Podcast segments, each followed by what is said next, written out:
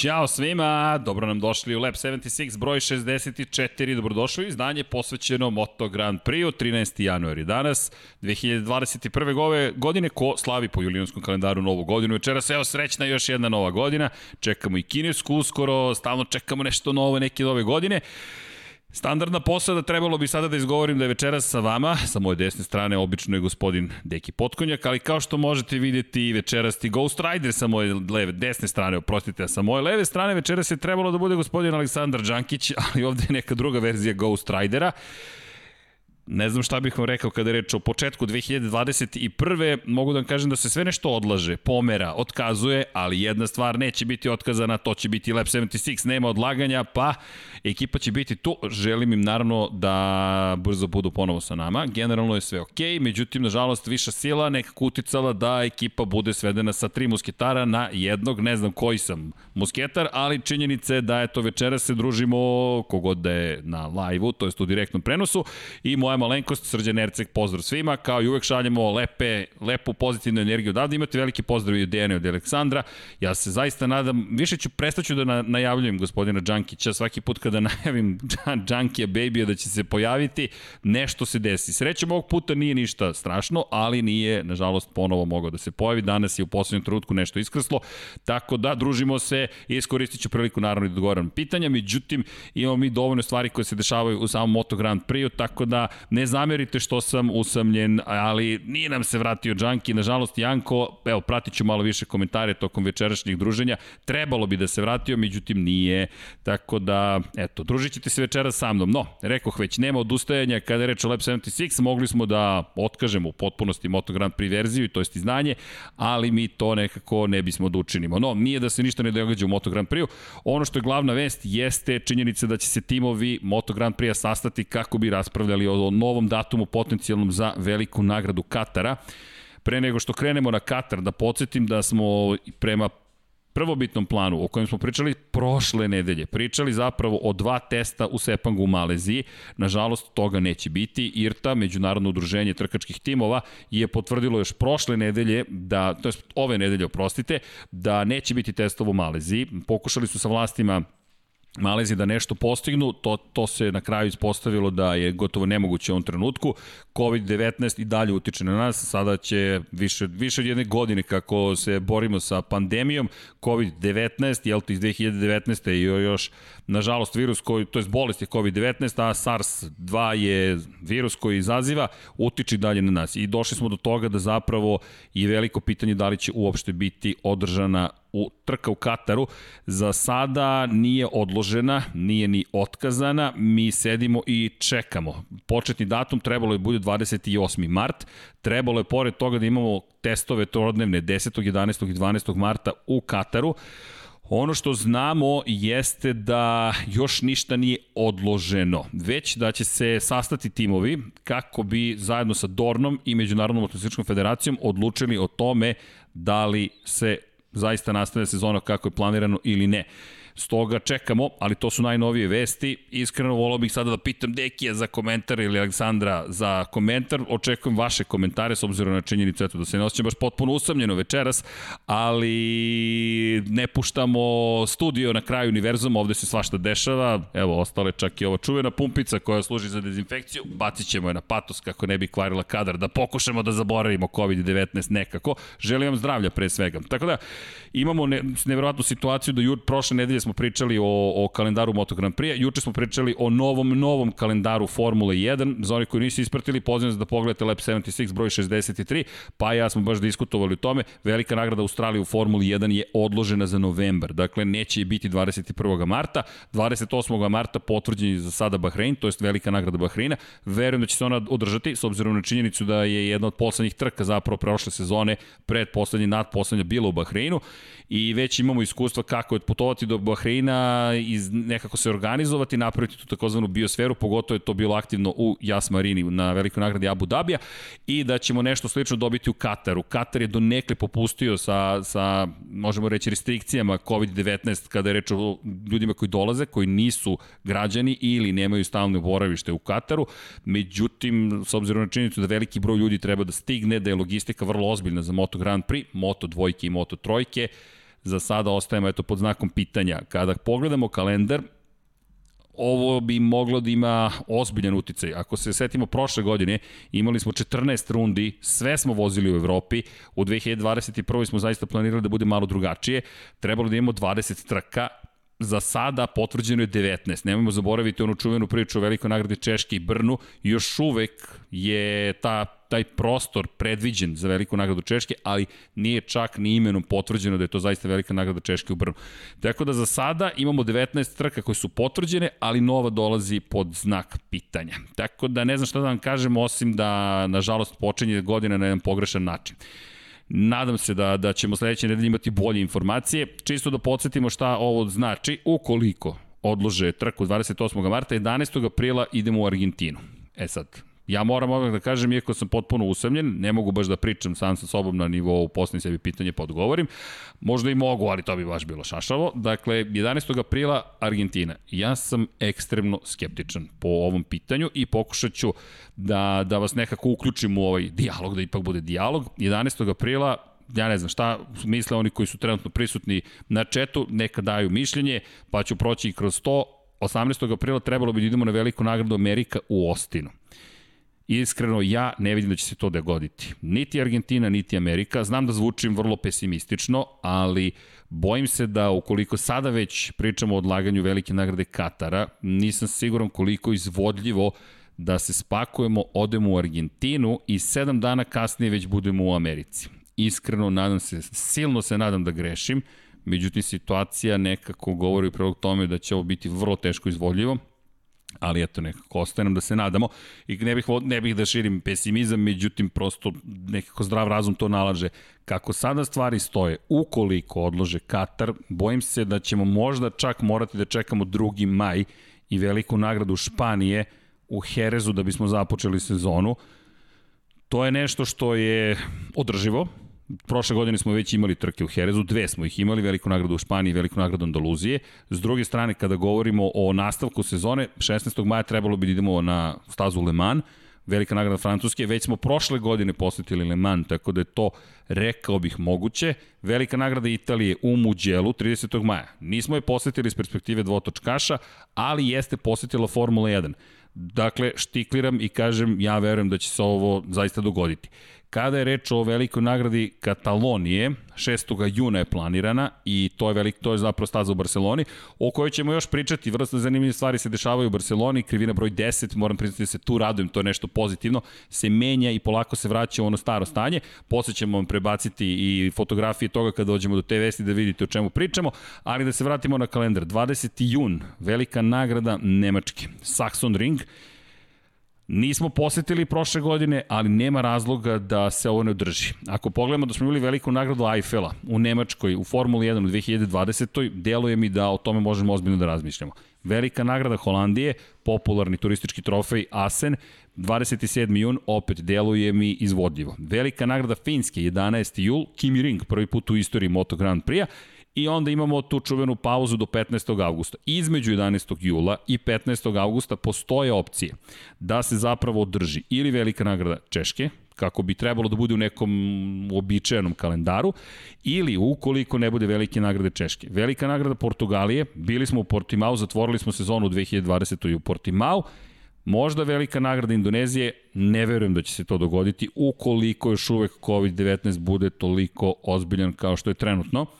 Velika nagrada Rusije je takođe moguća. Inače, kada govorimo o velikoj nagradi Indonezije, Mandalika je u pitanju i iako bih hvolao da vidimo tu stazu i verujem da ćemo je videti u nekoj narednih godina, mislim da to neće biti u 2021. Pre verujem da ukoliko ne potpiše ugovor, ukoliko velika nagrada Češke nažalost nekim čudom ispadne iz kalendara, da ćemo ići u Igora Drive, da ćemo ići u Rusiju, blizu Sankt Petersburga i da će to biti trka između 11. jula i 15. avgusta.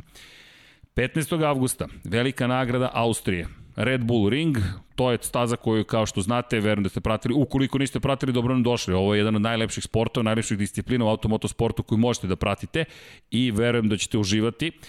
Ukoliko nam se pridružite na sport klubu, direktno i ekskluzivno, makar na ovim prostorima, dakle imaćete priliku da pratite i nadam se da će biti uzbudljivo, uzbudljivije svakako nego ove priče o odlaganju trka, no da se vratim na kalendar, dakle velika nagrada Austrije Red Bull Ring, to je 15. avgust. Dve nedelje kasnije 29. avgusta, velika nagrada Velike Britanije u Silverstonu, Očekujem da je to više nego izvodljivo, bez obzira na, na trenutnu problematičnu situaciju kada reč o Brexitu i problemima sa kojima se logistički suočavaju i što privreda, što pojedinci, kada reč o dolasku iz Velike Britanije u Evropu i obrnuto, do tada verujem da će stvari funkcionisati mnogo bolje i verujem da ćemo se tamo pojaviti. Formula 1 konačno imala dve trke prošle godine baš u Silverstonu.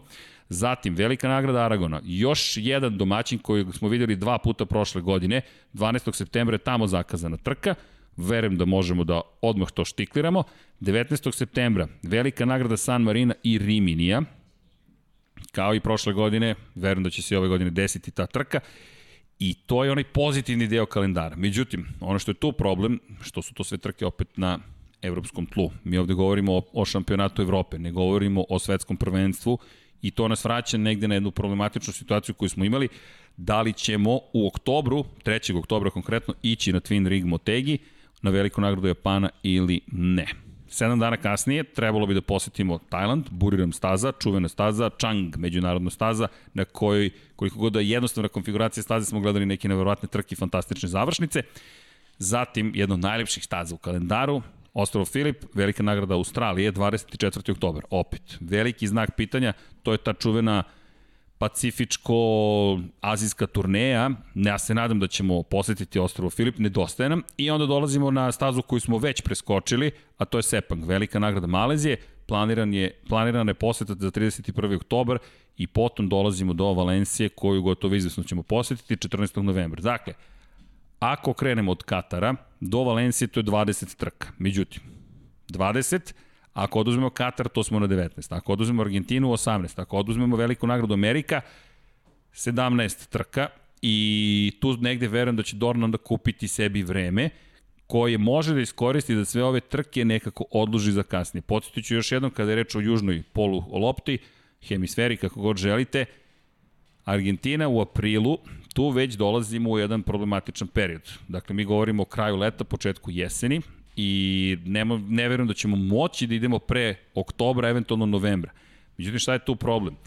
U oktobru mi imamo četiri trke koje su već isplanirane. 3. 10. 24. i 31. oktobar. Jedini slobodni datum u oktobru je 17. oktobar između odlazaka u Buriram, to jest na Tajland i Australiju sa Tajlanda sada otići u Južnu Ameriku ili Severnu Ameriku, iako tamo nemamo tu vrstu problema, ipak je Severna Amerika, Severna je polu lopta, mislim da će tek biti gotovo nemoguće. Druga opcija, koliko ja sada mogu da vidim, je 7. novembar, dakle posle velike nagrade Malezije, da kažemo iz Azije putujemo za Južnu ili Severnu Ameriku i onda se vraćamo u Evropu. Opet, ogroman logistički problem, o finansijskom tek da ne govorimo, i postoji eventualno opcija da se pomeri velika nagrada Valencije, što će malo uticati na vremenske uslove u Valenciji, ali da tu negde održimo te trke koje bi bile eventualno odložene.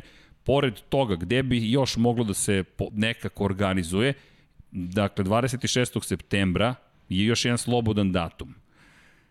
Posle Mizana, spakovati se i opet otići na neko od ovih trka je vrlo problematično. Gde je još jedan od velikih problema? Gde spakovati tri odložene trke? Ako i uspemo jednu da organizujemo, gde ćemo sa ostalim, ono što mislim da bi moglo da bude rešenje, eventualno za Katar, jeste da se u Kataru zatvori sezona. Videli smo da je Valencija prošle godine ostala bez te tradicije da zatvara sezonu, mislim da se tu niko nije žalio, samo da se održe trke i da bismo eventualno Katar s toga mogli da vidimo na kraju novembra 21. eventualno 28. možda čak i u decembru, s obzirom da bi trebalo ipak da imamo nešto povoljnije vremenske uslove. Da li tu može nekako da se nađe Argentina i Amerika? Argentina je prošle godine zaista patila za tom propuštenom prilikom da organizuje trku, ali ta situacija je bila, rekao bih, nepovoljnije, manje toga smo znali, iskustva smo mnogo manje imali i bojim se da eto, za počeh i drugi Moto Grand Prix podcast u 2021. odlaganjima, a i činjenicom da nema mojih dragih prijatelja i kolega.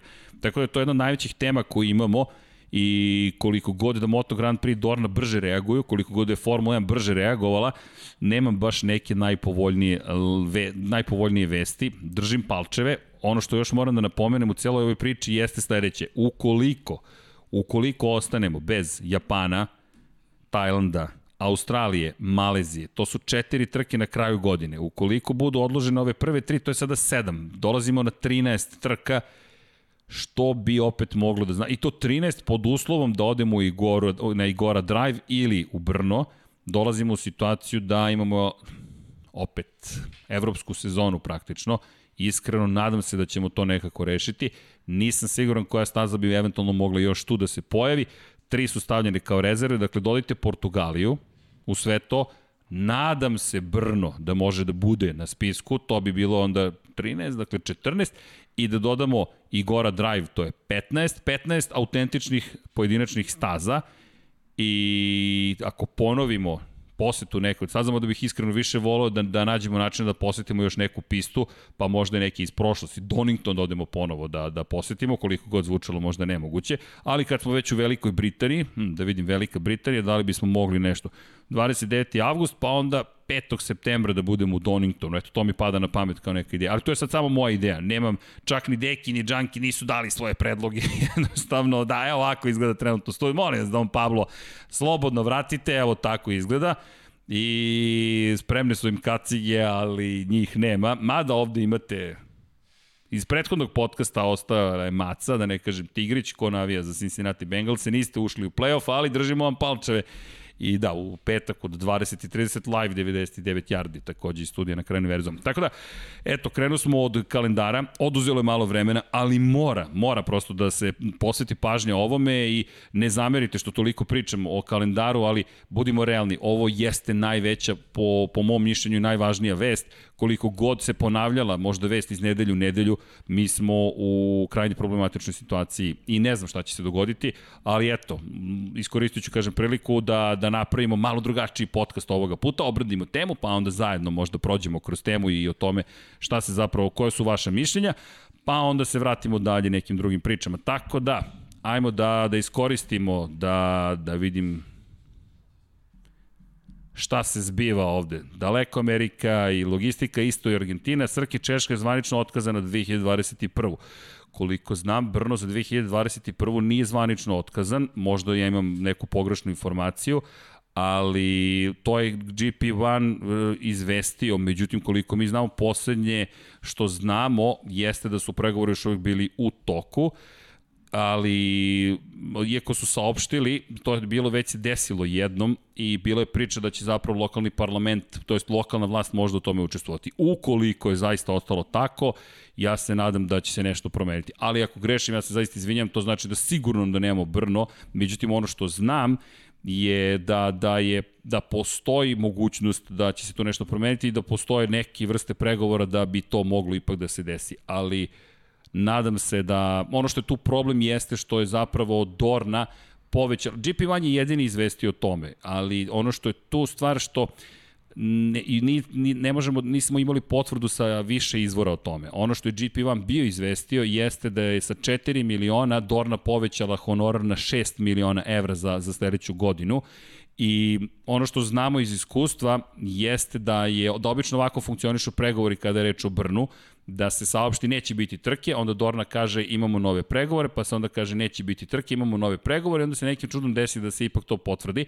Isto je bilo sa Saxon Ringom prošle godine, ako se sećate. Saxon Ring koji je bio pod znakom pitanja, pa je rečeno neće biti trke, na kraju nije bilo zbog usled COVID-19 i ove godine Saxon Ring se odjednom pojavio na kalendaru. Tako da, držim palčeve. Ali, proverit ćemo još jednom za svaki slučaj da ne bude neki greške, međutim iz, ono što smo uspeli da vidimo za sada jeste da da bi trebalo da bi trebalo, nadam se da će se pojaviti. U svakom slučaju, i ako grešim, ne zamerite, moguće da sam propustio dodatnu potvrdu, tako da nadam se da grešim. Imali smo, kažem, različite oprečne informacije, čak i jedna informacija bila nezvanična da je 9 miliona evra tražila Dorna. Tako da, sama činjenica da jedni pišu 4, drugi pišu 6 i jedni pišu 9 mi je onako, ne, malo, malo me od, ostavlja uh, kako bih rekao, optimistični možda ka Brnu. Ali kažem, ako grešim, moje izvinjenje svima koji su trenutno sa nama na četu, i onima koji slušaju. U svakom slučaju, kada govorimo, jedno od pitanja jeste da, da kada je Donington u pitanju, ne znam da li je moguće da, da, da se desi zaista da imamo trku u Doningtonu, to je samo moje razmišljanje kada smo već u Velikoj Britaniji, da li možemo nešto tu više da učinimo ili ne. Kada je reč o gledalcima, bilo je dosta pitanja kada je reč o gledalcima, nema opet nikakvih pouzdanih informacija. Jedna od stvari za Katar, ukoliko se desi, je bila da će možda biti bez gledalaca. Juče smo to prokomentarisali, ne bih da budem sarkastičan zaista, ali činjenica je da je saopšteno da i kada imamo mogućnost da dođu gledalci, prosto nema ih. Vrlo malo ljudi se pojavi na, na stazi u Losailu, 8000 gledalaca je kapacitet staze, imate samo glavnu tribinu na startnu ciljnom pravcu i ništa više od toga. I na tih 8000 mesta nikada još nismo imali popunjene tribine, nikada. Koliko god to neverovatno zvučalo, na nekim stazama je preko 100.000, to Brnu je čuveno bilo što je znalo da prikopi 150.000 gledalaca. To su neka davno prošla vremena, mi se nadamo da će kada prođe COVID-19 cijela ova problematična krajnja situacija, se stvari poboljšati, da će se pojaviti ponovo u najvećem, da ćemo se svi pojaviti u najvećem mogućem broju, međutim čak i bez toga u Kataru nismo inače imali gledalce za ostale staze od slučaja do slučaja. Ono što smo videli u Sjedinim američkim državama se sve više dozvoljava da uz poštovanje striktnog protokola i distance između gledalaca se sedi. Konkretno trenutno možemo to da vidimo pre svega na utakmicama NFL-a kada govorimo o nekim borilištima koja mogu po kapacitetu da se porede sa Moto Grand Prix. I tu smo videli, na primjer, 7000 gledalaca, malo više od toga za Buffalo Billse, na stadionu na koje možete da primite preko 50.000 ljudi, tako da možda će biti gledalaca kao što je bilo prošle godine u Mizanu. E da, evo imamo i poziv da Don Pablo se pridruži ovom podcastu, ali bojim se da Don Pablo to neće učiniti. Da, ovde odmahuje se glavom. U svakom slučaju, pozdrav, jedno čekam da nam se vrati Aleksandar Đankić. I mi čekamo, ali svake nedelje ga zaka... Ja kažem neće doći sledeće nedelje. Ja kažem neće doći i onda će se kontra desiti komentatorska kletva. Da li može Vanja da uleti od jednu tih stolice da barem on sa tobom razmenjuje mišljenja? Vanja! Vanja! Jesi dovoljno nespreman da sedneš i pričaš o Moto Grand Prix-u? Nije. Vanja ne prati toliko Moto Grand Prix, ne želi ipak da ne želi time da se pod, ne želi da sad ulazi u, u, u tu situaciju.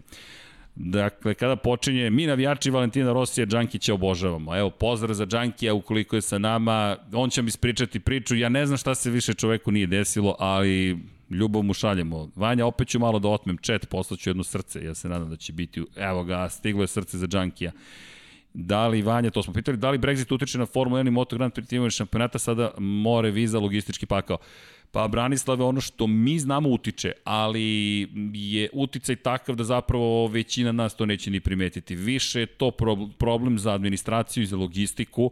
Još uvek nemam pouzdane informacije kako su to rešili, ali prilično sam siguran da će biti tu problema. Uključite nekoga u Zoom. Rado bismo, ali ljudi, situacija je takva da bukvalno ne možemo. Ne, ne bih da ulazim u privatne razloge zašto su ljudi odsutni, ali verujte mi kada kažem da nažalost ne mogu. Jednostavno ne mogu. Paja ne može da mi se pridruži s obzirom na činjenicu da radi NHL od 23 časa i 30 minuta. Ko voli hokej na ledu, možete, ukoliko ovo pratite u direktnom prenosu, da od 23.30 uporite Sport Klub 1 i ispratite prvu utakmicu posle mnogo godina kod kuće na Sport klubu NHL-a. Eto. Može, da li može Vanja ipak da sedne pa da pita šta ga zanima Moto Grand Prix-u? Je da odgovorim pitanje kada počinje sezona, ne znamo. Najveća, naj, moja, moja procena je da će početi 2. maja, nažalost. Koliko god Dorna govorila da će početi u aprilu ili da će u martu krenuti, 28. marta, to je ono što smo pričali, je planirana trka u Kataru, ali bojim se da, da će 2. maj i velika nagrada Španiju i Herezu ponovo biti otvaranje sezone. Dorna inače prošle godine sasvim dobro odradila šampiona što se tiče staza, mislim da će ove godine isto uraditi komentar Dejana Andrića, a, a, oprostite, Andrića. Slažem se, deki, mislim da će odraditi dobar posao, samo prosto mislim da neke staze koje očekujemo je nažalost već sada neophodno reći da se neće dogoditi. I da odgovorim pitanje uh, doktor ili do, Dr. One Evil, pretpostavljam, ili to je sad kombinacija. Zašto F1 i Moto Grand Prix prave ovako nerealistične kalendare s mogućnošću velikog broja otkazivanja, naspram sigurnije i realističnije varijante s kojom ne bi bio skraćen broj trka? Moje mišljenje je da je to prosto optimizam koji ukoliko je ukoliko se ispostavi neosnovanim, omogućava da se odlaganjem i pomeranjem ipak dobije kalendar koji liči možda na prošlogodišnji, ali ukoliko nekim čudom ipak bude moguće organizovati te trke, su omogućili organizatorima da se pojave na kalendaru. Uzmite obzir da su u pitanju ozbiljni ugovori, da koliko god je nekim državama skupo ili organizatorima skupo, takođe je pitanje reputacije i istorije, što ponekad je neophodno izdržati kada je reč o krizi, ne mogu to svi da učine, ali kada dođe ovakva situacija, to je ono što su Dorna pa i Formula 1 prošle godine učinili, trošite pare koje ste uštedeli ili se zadužujete kao McLaren, na primjer, sa s obzirom na činjenicu da s verom da će za godinu, dve se stvari normalizovati i da će onda imati drugačije mogućnosti. Isto verujem da je pitanje organizatora. Argentina je prošle godine ozbiljno bila nezadovoljna što nije bila na kalendaru. Ako ih izbacite u napred, koju poruku šaljete organizatorima da, da nećete im dati čak ni šansu? Tako da mislim da je to zapravo ono što iza čega se iza čega se iza čega stoji cela priča o kalendaru. Idemo dalje kada je reč o Kada je reč o vestima koje nam dolaze iz Moto Grand Prix-a, imamo neke, možemo reći, takođe ozbiljne vesti, o tome o čemu smo pričali, vratio bih se na temu u kojoj smo započeli prošle nedelje zahvaljujući Dom Pablu. Suzuki, mislim da je zaslužio da se pojavi ovde, Suzuki Ekstar šampionski tim iz 2020. godine i Davide Brivio. Pričali smo pa i ja juče iz perspektive Formule 1 i iz perspektive Moto Grand Prix-a. Jedni su dobili, jedni su svakako izgubili. Kada govorimo o onome što smo, što sada, sada se sad malo se vraćam u Moto Grand Prix svet. Šta smo mi izgubili? Izgubili smo jednog od najboljih menadžera. Za one koji eventualno ne znaju, kada reč o Davidu Briviju, to je čovek koji je predvodio, i ne zamerite oni koji su pratili jučerašnji Formula 1 podcast, neke stvari ću ponoviti, ali Davide Brivio nas je spojio. Formulu 1 i Moto Grand Prix bukvalno je spojio. Ne pamtim da se desilo ovakav spoj. Massimo Rivola, šef Aprilije, izvršni direktor Aprilije, prešao iz Ferrarija u ekipu Aprilije, nije izazvao takvu pometnju kakvu izazvao Davide Brivio. Zašto? Suzuki, da podsjetimo, je poslednju, poslednju godinu koju je bio šampion proslavio 2000, 2000. godine. Kenny Roberts mlađi na dvotaknom Suzukiju, sin Kenija Robertsa starijeg, čoveka koji je 1978. 79. i 80. u svoje prve tri sezone takmičenja u kraljevskoj klasi osvojio titule i je dobio naslednika u vidu šampiona 2000. Na Yamahi je osvajao titule Kenny Roberts stariji, na Suzuki Kenny Roberts mlađi. To je bilo pre tačno 20 i sada već jednu godinu. Davide Brivio u to vreme se nije bavio Suzuki, bavio se Yamahom. 2004 je uspeo zapravo 2003. da ispregovara dolazak u to vreme najveće zvezde i najuspešnijeg vozača. Valentino Rossi je danas najveća zvezda, nije najuspešniji vozač trenutno u Moto Grand Prix, međutim u tom trenutku Rossi je najveći u svakom pogledu. Vozi za Hondu i Davide Brivio uspeva da ga privoli zajedno sa Linom Jarvisom da pređe u redove Yamaha. Yamaha je u tom trenutku bez titule od 1992. godine i Vejna Rejnija. Dakle, mi govorimo o periodu od 11 godina. Zamislite da Yamaha, pa ukoliko ovako nastavi, Yamaha će uskoro doći u tu fazu, a pogledajte kakav je osjećaj kod Yamaha koliko je problematična situacija. Yamaha mora da se vrati u 2015. godinu da bi pričalo o svojoj poslednjoj tituli. Jorge Lorenzo 2015. godine. 2016. Marquez, Mark Marquez. I pričat ćemo o Marku Marquezu i njegovoj povredi. 2017. Mark Marquez, 2018. Mark Marquez, 2019. Mark Marquez, 2020. Joan Mir na Suzukiju. Dakle, četiri godine Honda i jedna godina Suzukija. Yamaha je dovela Fabio Quartarara sada u svoje redove u fabričku ekipu, zajedno sa Maverickom Vinjalić će im predstavljati i ove godine i naredne, ali ukoliko se ovaj trend nastavi, to će biti 6-7 godina bez titule. Dodajte na svetu, dakle sada imamo 5 godina bez titule, dodajte još 6 godina da biste došli do situacije u kojoj se u tom momentu nalazi Yamaha. Davide Brivi odlazi kod Valentina Rosija i počinju pregovori koji su završeni time što je Valentino Rossi osvojio titulu sa Hondom, zatim pobedio na poslednjoj trci sa Hondom te sezone 2003. i otišao u Yamahu, osvojio zajedno sa Brivom titulu 2004. 2005. 2006. Niki Hayden, to je zastava Nikija Haydena, mora Niki Hayden da se ispoštuje, uvijek će biti tu, tu su naravno velike obeleže velikana, bit će ih još, tako da nadam se da će biti još lepih stvari u studiju. Dakle, 2006. 2007. ne osvajaju titulu u Yamahi, to je Davide Brivio, osvaja konkretno Niki Hayden, zatim Casey Stoner i onda 2000 2008. to je 2009. Valentino Rossi zajedno sa Brivijom ponovo osvajaju titule. 2010. ne osvaja Valentino Rossi, ali Brivio je član ekipe koja osvaja titulu. Yamaha osvaja titulu zajedno sa Jorgeom Lorencom. 2011. i 12. vreme provodi Ducatiju, zajedno sa Valentinom Rosijem odlazi u redove ekipe iz Bolonje, da bi 2013. kada se Rossi vratio u Yamahu ostao bez angažmana Davide Brivio. Međutim, Brivio polako uspostavlja kontakt sa Suzukijem, dobija ponudu da oživi program Suzuki. Uzmite u obzir da je Suzuki završio svoj nastup 2012. godine i da je došao u situaciju da nema svoj projekat u mot... Ne, zapravo 2011. oprostite. Poslednja trka 2011. Alvaro Bautista, čuvena završnica u kojoj, nažalost, trku posle tragedije i pogibi Marka Simončelija, dolazi do kontakta između Alvara Bautista i Valentina Rosija, dramatično i za jednog i za drugog iz različitih razloga, ali Suzuki se povlači i potom, kada dolazi Brivio, počinje počinje preokret. 2015. 16. 17. 18. 19. se gradilo sve ovo što se desilo u 2020. Da, bilo je tu i srećnih okolnosti, međutim činjenica je da je Davide Brivio čovek koji je predvodio ovaj tim. Ono što je međutim fascinantno u celoj priči jeste da kada je osvojio titulu, niko nije očekivao da ode. Kamoli da ode iz Moto Grand Prix-a i pređe u Formulu 1. Don Pablo, hvala, prošle nedelje nam je poslao vest dok smo snimali, snimali smo u to vreme, nismo mogli da radimo direktno, informaciju da će možda Brive otići u Alpinu, Jonathan Noble je to izvestio. Na kraju se ispostavili da je to tačno. Da je to tačno i da odlazi u Formulu 1. Umeđu vremenu Cyril Abitebul, šef Alpine, čovjek koji je trebalo vodi celu grupaciju Alpine, koje, koju Renault oživljava kao robnu marku Alpine, to jest Alpina, i Abitebul ostaje bez posla, to je daje otkaz, napušta Renault, Loran Rossi će preuzeti njegovu ulogu, a šef ekipe postaje Davide Brivio. Ono što je meni fascinantno jeste, mislim da je na najbolji mogući način prema pisanju Oriola Puigdemona Alex Rins opisao situaciju, rekao je, mislio sam da je to šala. Bukvalno je rekao, kada mu je saopštio Davide Brivio da odlazi u Formulu 1, da veruje da je to šala. Jednostavno,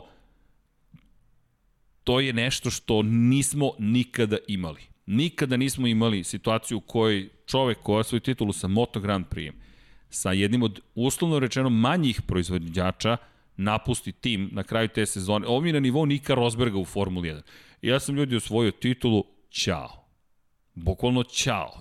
I to je, to je sve što je rekao. Rekao je da, da, da, da ono što je rekao Rins za odlazak Brivija je rekao da sam se osetio kao da kao da nisam svestan. Pozvao me pre nego što je saopštio svima i rekao da napušta ekipu. To su izjave. Prvo sam mislio da je šala, a potom sam bio iznenađen odradio nevratan po, posao i sada nova avantura počinje bez Davida Brivija. Ne znam kako će se Alex Rins i Joan Mir snaći bez Rinsa. Ono što je zanimljivo u celoj priči jeste da je Suzuki saopštio da neće nikoga, neće dovesti nikoga ko menja Davida Brivija za sada. E sad, da li to znači da neće niko preuzeti tu ulogu ili neće da potpiše ugovor sa nekim sa strane, nego će iz kuće nekoga da unaprede da preuzme tu ulogu, nisam siguran ispričat ću ono što smo juče pričali, a to je da i David je prije bio fantastičan bio u Formula World je iznao tu teoriju koja se meni mnogo dopada, a to je da David je prije spojio dva sveta, Italiju i Japan. U Italiji je štab ekipe, tu je bukvalno registrovan tim, međutim fabrika je u Japanu. Komunikacija između Japana i Italije osim vremenskog ograničenja, bez obzira na, na to što svi radimo od 0 do 24, ipak postoje neki period dana kada ste produktivni ili manje produktivni. Da, inače da pozdravim i našeg novog člana ekipe, Bogdana, On je uglavnom produktivan oko 4 ujutru i kada budemo radili čuveni podcast od 37 sati, Bogdanu će pripasti noćna smena. Inače, savršeno svira gitaru, neću da ga dovodim u neprijatnu situaciju još, ali našao sam ko će da svira Formula 1 temu, a mi ćemo da napišemo MotoGP temu Bogdane, da bismo to poslali Dorni uz podršku cele ekipe koja je sa nama. Ali da se vratim na Brivija, ta komunikacija među Japana i Italije je uvek problematična I ne između Italije i Japana same po sebi, već s obzirom činjenicu da niste na istom mestu, Brivio je to rešio, uspeo je pritom da ekipu koja nema dva vozača koji su najbolji prijatelji, niko ni ne očekuje da budu prijatelji, ali tu trenje zna da, da, da stvori ozbiljne probleme, konačno on se čovjek prvi bavio tim problemom Jorge Lorenzi i Valentina Rosija u istoj garaži, to je era koja je počela još 2008. godine, nemojte zaboraviti da je Rossi u to vreme čovek koji je najveća zvezda Moto Grand Prix-a, dolazi i jedan klinac koji je upravo svoje dve titule 250 kubika, da možda zauzme njegovo mesto, što se na kraju i desilo. Brivio je bio taj koji mora da izbalansira tu celu priču. Pored toga, morao je u Suzuki između Rinsa i Mira da održi mir, to je uspeo da učini. Sada odlazi u ekipu gde će, u kojoj će voziti Fernando Alonso i Esteban Ocon, mada tu ne vidim baš tu vrstu trenja, Ocon je mnogo manja zvezda, još nije ni na putu da bude takva zvezda, osim što je zvezda sam po sebi kao vozač Formula 1. Tako da će Brivi imati vrlo interesantnu ulogu, ali mi smo izgubili jedno vrlo ozbiljno lice. Pričati, pričali smo u superlativima o Briviju, meni to i dalje neverovatno, tako da, eto, pozivam vas da iznesete naravno i, i svoje mišljenje. Ne zamerite što ne mogu možda sve da ispratim, ali treba to, treba sve to postići. Kada pričam inače o, o, o Briviju i njegovom iskustvu, ono što meni će tu biti interesantno, Nick Harris, inače čuveni komentator MotoGP.com, zvaničnog Dornine televizije, je svojevremeno rekao, to jest ovih dana je rekao da, parafraziram ga, nisam zapamtio kompletan citat, rekao je svojevremeno su me zvali u Formulu 1, da iz moje prve ljubavi Moto Grand pređem u Formulu 1, otišao sam, a onda sam se vratio mojoj prvoj ljubavi. Rekao je Briviju, želim svu sreću, razumem ga i nadam se da će imati uspeha u Formuli 1, ali se nadam da će se vratiti svoj prvoj ljubavi u Moto Grand Prix. Što nas dovodi do pitanja gde bi mogao da se vrati Davide Brivio, ne verujem da će baš u Suzuki se vratiti, ali možda u Ducati, ponovo. Ali ne, bio je Ducati, u kom ostaje KTM ima sređenu situaciju, April je dovela novog čoveka i šta nam ostaje Honda? ne znam, možda, možda će tamo naći nek, neku svoju budućnost. Kako god, držimo palčeve Davidu Briviju, pa eto, nadam se da će imati da će imati uspeha čovek s obzirom na činjenicu da to i tekako zaslužuje. Da li se zna nešto o Gresiniju, pita Mina Ćirković, to je sledeće pitanje, to je sledeća tema, a to je zapravo, imamo pozitivnije vesti, kratko ću samo preneti ono što su saopštili i predsednici Gresini ekipe.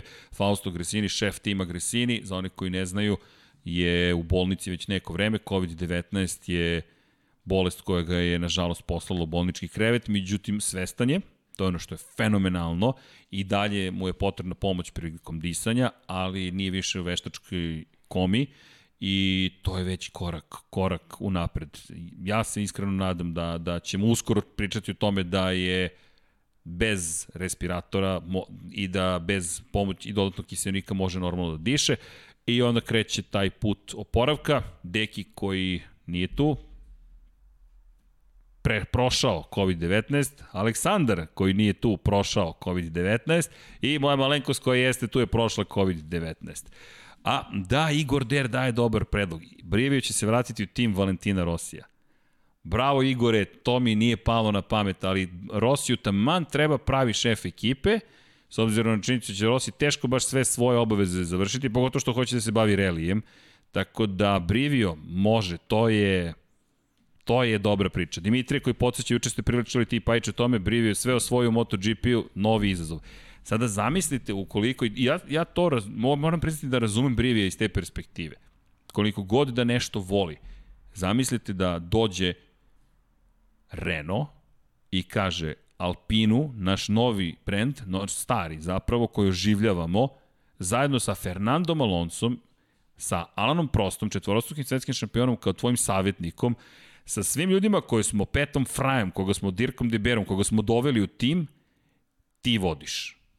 I boriš se možda za titulu šampiona sveta, a naredne godine stupaju na snagu nova pravila Formule 1. I plata, verujem da će biti da, da će biti, to stalno napominjemo, iznad onoga što kamera prikazuje. To je ipak Formula 1, koliko god da volimo jednu i drugu disciplinu, to je sportove, Moto Grand Prix, kada pričamo o budžetima, najveći budžet koji ima Honda je pola budžeta Williamsa.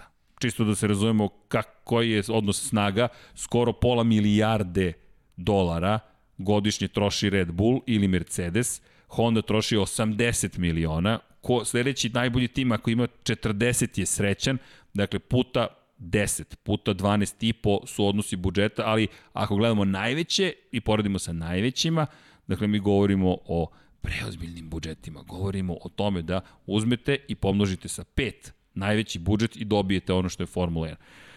Ali Igore, slažem se, to dobro zvuči. Mada Zorić Matej ima drugi predlog. Davide Brivio u Yamahu umesto Lina Jarvisa. Ok, nije ni to loše, ali nisam siguran da će ga Yamaha hteti nazad. To, to mislim da će biti veliko pitanje. A i drugo, postavlja se pitanje, ako tim Valentina Rosija potpiše sa Suzukijem, da li ćemo onda dobiti, da li ćemo dobiti opet Suzuki ko kaže ne, ne, ne, ne, ti si nas ostao, ili će reći ok, ti s tobom smo osvojili titulu. Ne znam, ali nije loše.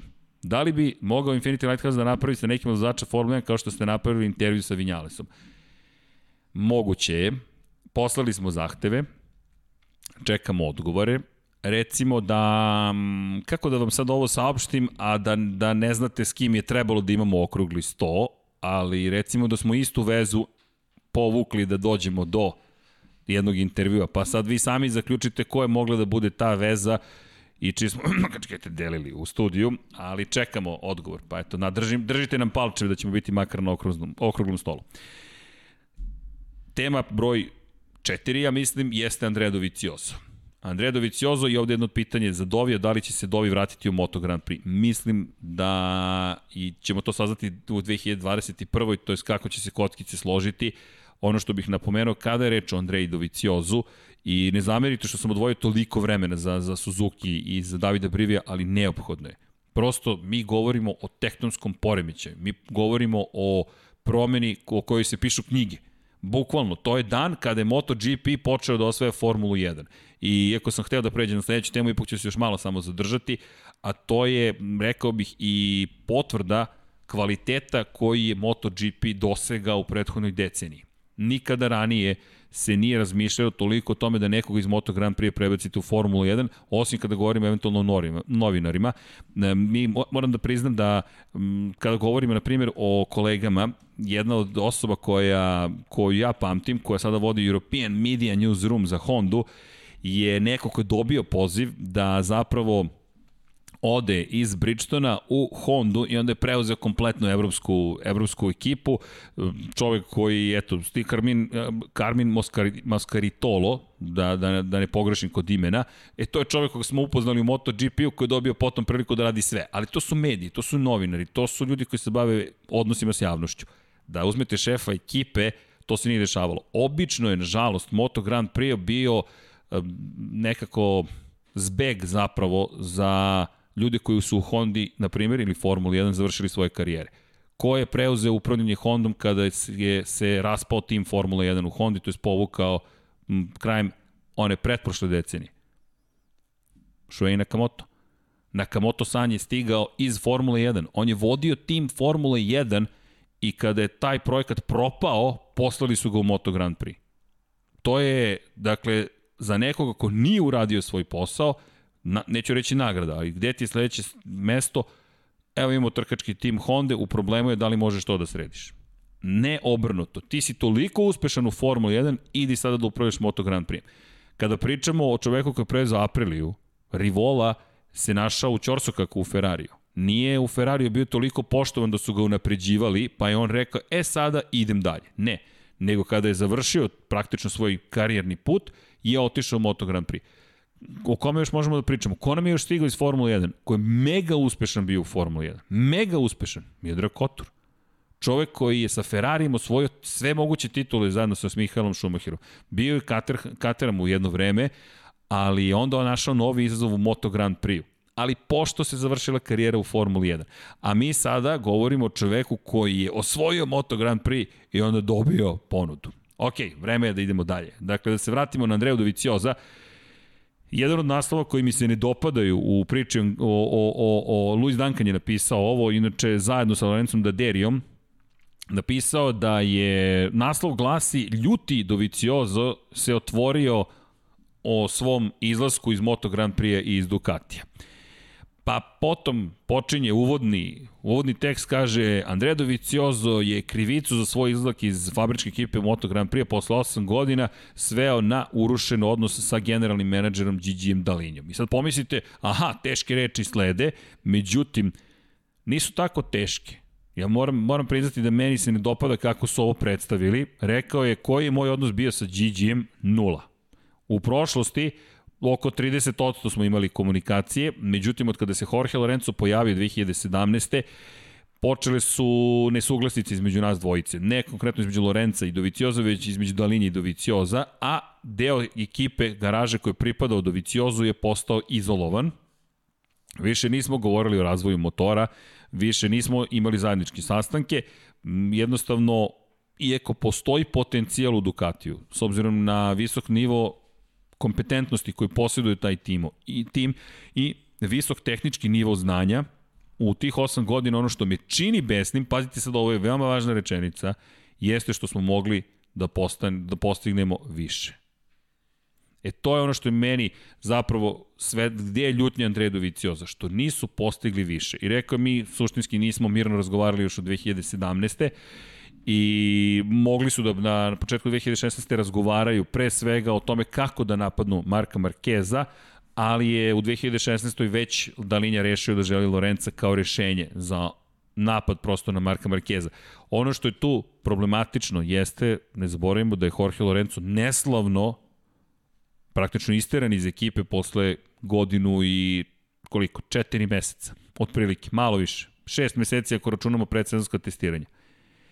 I to je nešto što više govori o Ducatiju, mislim da ovo nema veze sa Andrejom Doviciozom, to je kultura prosto te trkačke ekipe koja želi na preče da dođe do nekih rezultata, nadovezao bih se na još nešto, iako je dosta toga rekao Andredović, ja za vam preporučujem da pročitate taj intervju, autosport, motorsport.com, isti su tekstovi, prosto su deo iste medijske grupacije, ono što je Međutim, tu meni zanimljivo jeste kako se i Pete Byrer, zapravo šef KTM-a, obratio a prema, i kako se obraća generalno u situaciji sa Danilom Petrućem, rekao je da, ćemo, da će KTM dati Danilu ono što nije imao u Ducatiju, a to je da čovek koji pobedi u dve trke ne može da bude loš vozač, mora da dobije podršku i da mora da dobije takvu podršku kao da je porodica u pitanju i da će to dobiti u ekipi KTM-a. Čak, čak i da je Danilo Petrući neko ko nije toliko dobar vozač, kada vam šef kaže ti si član ove ekipe, mi ćemo te podržati, daćemo ti ono što do sada nisi imao, ja verujem da si ti dosta dobro motivisan za početak 2020. 2021. Izvinite, opet sam nas vratio godinu unazad, ne, pokušavam da, da se prebacimo u 2021. Ali eto, KTM, konkretno ekipa Tech 3 KTM-a, se ozbiljno sprema i ima ogromnu podršku same fabrike, konačno to su, da, fabrički satelitski tim, ali ne zaboravimo, dve pobede je imao Tech 3 tim prošle godine, u oba navrata Miguel Oliveira slavio za tu ekipu, S druge strane, jedna pobeda za fabrički tim i to ni manje ni više Novajlija Brad Binder, koji će biti dalje u ekipi fabričkoj, a Miguel Oliveira prešao iz Tech 3 u fabrički tim, a da, stigao je Danilo Petrući, tako da je to mi zanimljiva. Izjava prosto bila kada je reč o toj vezi između da kažemo, Ducatija, njegovih bivših vozača i onoga što što ćemo videti kada je reč o KTM-u u 2021. I kada spominjem KTM, yes, najzad lepe vesti, da, potpisali su ugovor, ostaju u Moto Grand Prix do 2026. godine, tako da jedna fabrika je još potpisala ugovor. To su dobre vesti to je u moru ovih nekih čudnih ili loših vesti Gresini koji nažalost u bolnici otkazivanju predsezonskih testiranja diskusije o tome da li će biti Katar ili ne o tome da, da, da, da smo ostali makar za ovu godinu bez Andreja Dovicioza imamo eto jednu lepu informaciju a to je da je da smo eto dobili potvrdu da će KTM ostati. Šta to konkretno znači? To znači konkretno da je KTM tim koji je potpisao ugovor sa Dornom i da, kao što u Formuli 1, na primjer, timovi potpisuju, da je zvanično tim koji će ostati tu. Eto, to su, makar za mene, lepe vesti, a kada već pričamo o svemu ome što pričamo, da spomenem i Erva Ponšarala, šefa teh tri ekipe, koji je rekao da je eto malo bio ljut prošle godine na nas novinare što smo pričali o tome da bi Dovicioza možda umesto Ikera Lekone mogao da dođe u tim teh tri ekipe. Voleo bih da da vidim da se pojavila mogućnost da zaista dođe kako bi reagovao. Ali ok, to je sve deo zabave. Zatim, da vidimo da li ima nekih pitanja mada vidim da ste vi u diskusiji sami, tako da ne, ne zamerite, ja imam ovde svoje beleške, nemam kolege, nemam s kim da pričam, jedino sam opet kažem sa sobom da, Srđane, šta ti misliš o tome što je Andredović otišao? Pa mislim da to uopšte nije dobro za Moto Grand Prix, s obzirom na činjenicu da se radi o višestrukom pobedniku i višestrukom vice šampionu sveta i da bih volio da su zajedno našli neko rešenje. Sad se prebacim u drugu stolicu i pustim bradu i više ličim na Dekija i na Aleksandra. No, ne zamerite. Da, Alex Zanardi priča, kada je reč o Aleksu Zanardiju, e, ajde da to nekako napomenuću, ali više bih se pozabavio e, kada je reč o Aleksu Zanardiju u sledećem podcastu koji je namenjen ljudima koji nam dolaze iz automobilskih sportova, kada govorimo o Aleksu Zanardiju, ne znam koliko ste čuli, krajem još prošle godine je, to nije to bilo tako davno, je prebačen iz je prebačen u zapravo najpre krajem novembra prebačen u bolnicu koja je bliže njegovoj kući i na kraju godine je ponovo počeo da vidi i da čuje i oporavlja se od nesreće. Nemam neke nove informacije, moram priznati, možda sam nešto propustio u pripremama, s obzirom da sam bio fokusiran na, na, na pre svega na Moto Grand Prix, ali evo, to ste vi, pa zajedno možemo da, ako sam nešto propustio, da, da, da spomenemo. Uh, U svakom slučaju, da, držimo palčeve Aleksu Zanardiju i jedva čekamo da, da, da dobijemo, nadam se, još neke bolje vesti. A, da čujemo možda ima nekih pitanja za ove teme koje smo obra, obradili. KTM je mašina za pranje šampiona svuda i uvek. MX, SX, Rally, Moto Grand Prix. SZ75. Imam čudan osjećaj da je ovo Zeka 75, ali možda i grešim. Neka se SZ75 predstavi. Da li je to Zeka? Šalu na stranu, ali činjenica je da je KTM fabrika koja, i tome smo pričali kada su se pojavili, fabrika koja se takmiči baš zarad trkanja i pobeđivanja i da je to samo bilo pitanje trenutka kada će početi da dolaze na sam vrh, to su i pokazali prošle godine. I, i slažem se sa time da, da jesu prosto fabrika za šampiona. Šta očekujemo od Espargara u Hondi, pita Ehvan. Uh, Šta očekujemo? A, Zeka, javio se Zeko, Zeko. Znamo se po broju. To je 75, šta dolazi posle 75? Molim lepo. Ali, da odgovorim i za Espargara. Da, pa evo, Edison Cavani je lepo rekao. Espargaro ima stil za Hondu. Apsolutno jedan na jedan je sve opisano a ukoliko bi jedan agresivni vozač mogao da se tu nađe, koji ima šanse nešto da učini na Hondi, a dolazi iz generacije u kojoj je stasavao i Mark Marquez, to bi mogao da bude Pole Espargaro.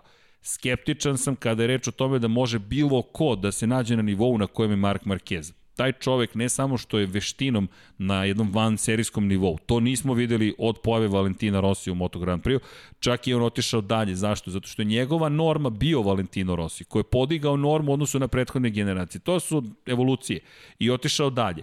Ali kada poredimo iz perspektive nekoj ere i vremena, to su ti neverovatni vozači. To, to, to je ta grupa vozača. Kenny Roberts, uh, Valentino Rossi, Mark Marquez, Giacomo Agostini, Mike Halewood. To su te legende, s tim što ističem Agostinija, Rossija i Marqueza, s obzirom na činjenicu da su njihovi rezultati to potvrdili što kroz kategorije, što po broju pobjede, što po broju osvojenih titula.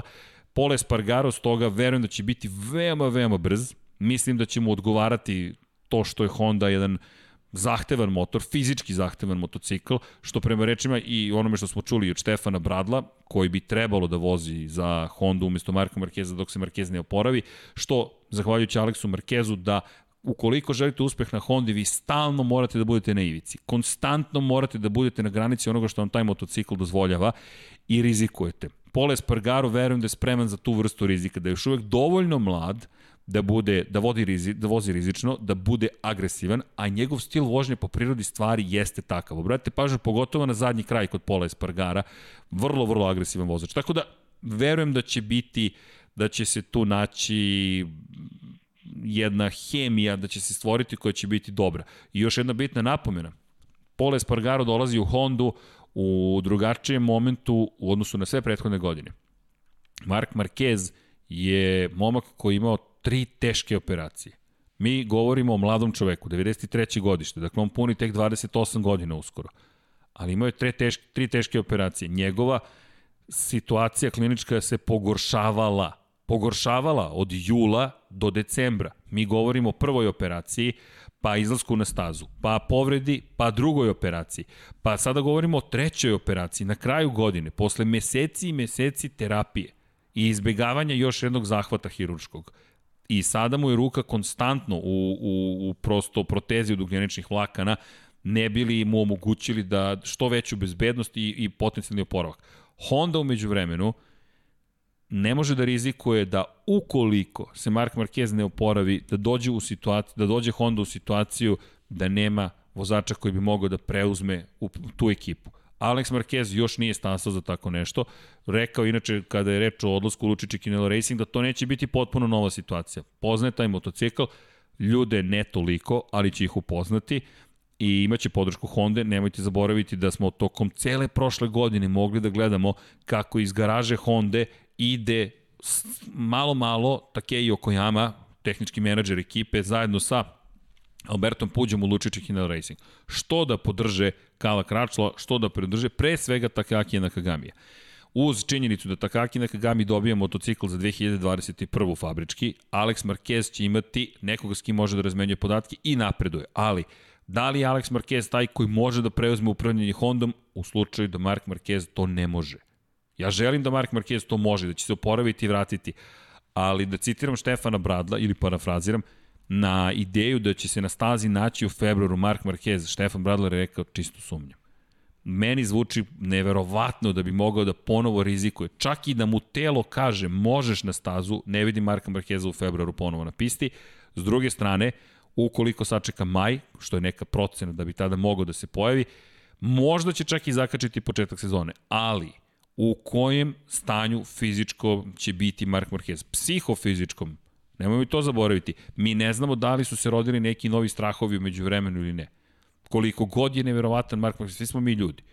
Znate, dok ne odete na prvu operaciju nečeg ozbiljnijeg, ste, mo, a, meni se ništa nikada neće desiti. Onda dok ležite i čekate da vas neko otvori, operiše kičmu, kažete sebi, mmm, pa možda i nisam neuništiv kao što sam mislio. To ne znamo. Dakle, to je ono što ne znamo i tu dolazi sada Pole Spargaro, koji će sigurno dobiti ogromnu podršku Honda. Ogromnu podršku Honda. Kakvi god da budu testovi, ja se iskreno nadam da ćemo imati trke da grešim silno i da će biti i trke u Kataru i Argentini i Americi, ali Pole Spargaro iz te perspektive mislim da je u jednoj, sad sticam okolnosti, situacije koja je najpovoljnija moguća za njega. Pri čemu čak ni ne mora da se bori protiv Marka Markeza u ovom trenutku možda je to tužno, tužan je uzrok, ali to jeste prosto tako. Dakle, ima šanse dok ne dođe Marquez, jer tada će se Honda štimati opet samo za Marqueza, Stipo Strukar. Pa, Stipe, to, to, Stipo, to je upravo ovo što govorim. Marquez, pitanje kada će se vratiti u kakvom stanju. I to je velika nepoznanica. Ne znam zaista šta će se dogoditi. Srki, da li misliš Ogura prerano došao u Moto2? Ajde iskoristimo priliku. Da, mislim da je Ogura došao prerano u Moto2, a je Ogura trebalo da ostane još jednu sezonu u Moto3 kategoriji. Ne toliko da ispeče zanat kada reč o motociklu, koliko da stekne dodatno samopouzdanje i da kao neko ko ima pobedu i kao neko ko može redovno da se bori za pobede, ode u Moto2 kategoriju, ali makar jednu pobedu zabeleži. U Moto2 kategoriji u konkurentnoj klasi kakva jeste, bojim se da, da će teško steći samopouznanje. Srki, šta misliš kako će se snaći Marini i Beštija u Moto Grand Prix? Mislim da će se dobro snaći. I, i iskreno koliko god Marinijev analitički pristup je dobar, mislim da je za nijansu veću prednost malo daje Mene i Bastianiniju, s obzirom na činjenicu da njegova agresivnost mislim da će mu dosta pomoći. Marini mislim da će kao Alex Marquez u drugoj polovini sezone pokazati više. Alex Marquez i Luka Marini, ne samo što su braća šampiona, Marini Rosija, Alex Marquez Marka Marqueza, već imaju taj analitični pristup i dosta su drugači. Nisu pod adrenalinskim udarom kao Rossi i Marquez neprekidnim, već polako grade svoju, svoj, svoj stil vožnje. Dejan Andrić kaže, dobro pitanje, gde je Dejan postavio? Srđane, koliko misliš da će Dorna i Liberty Media izdržati finansijski bez publike ove godine? Dve godine za redom je mnogo treško, zamisli 2022. da bude.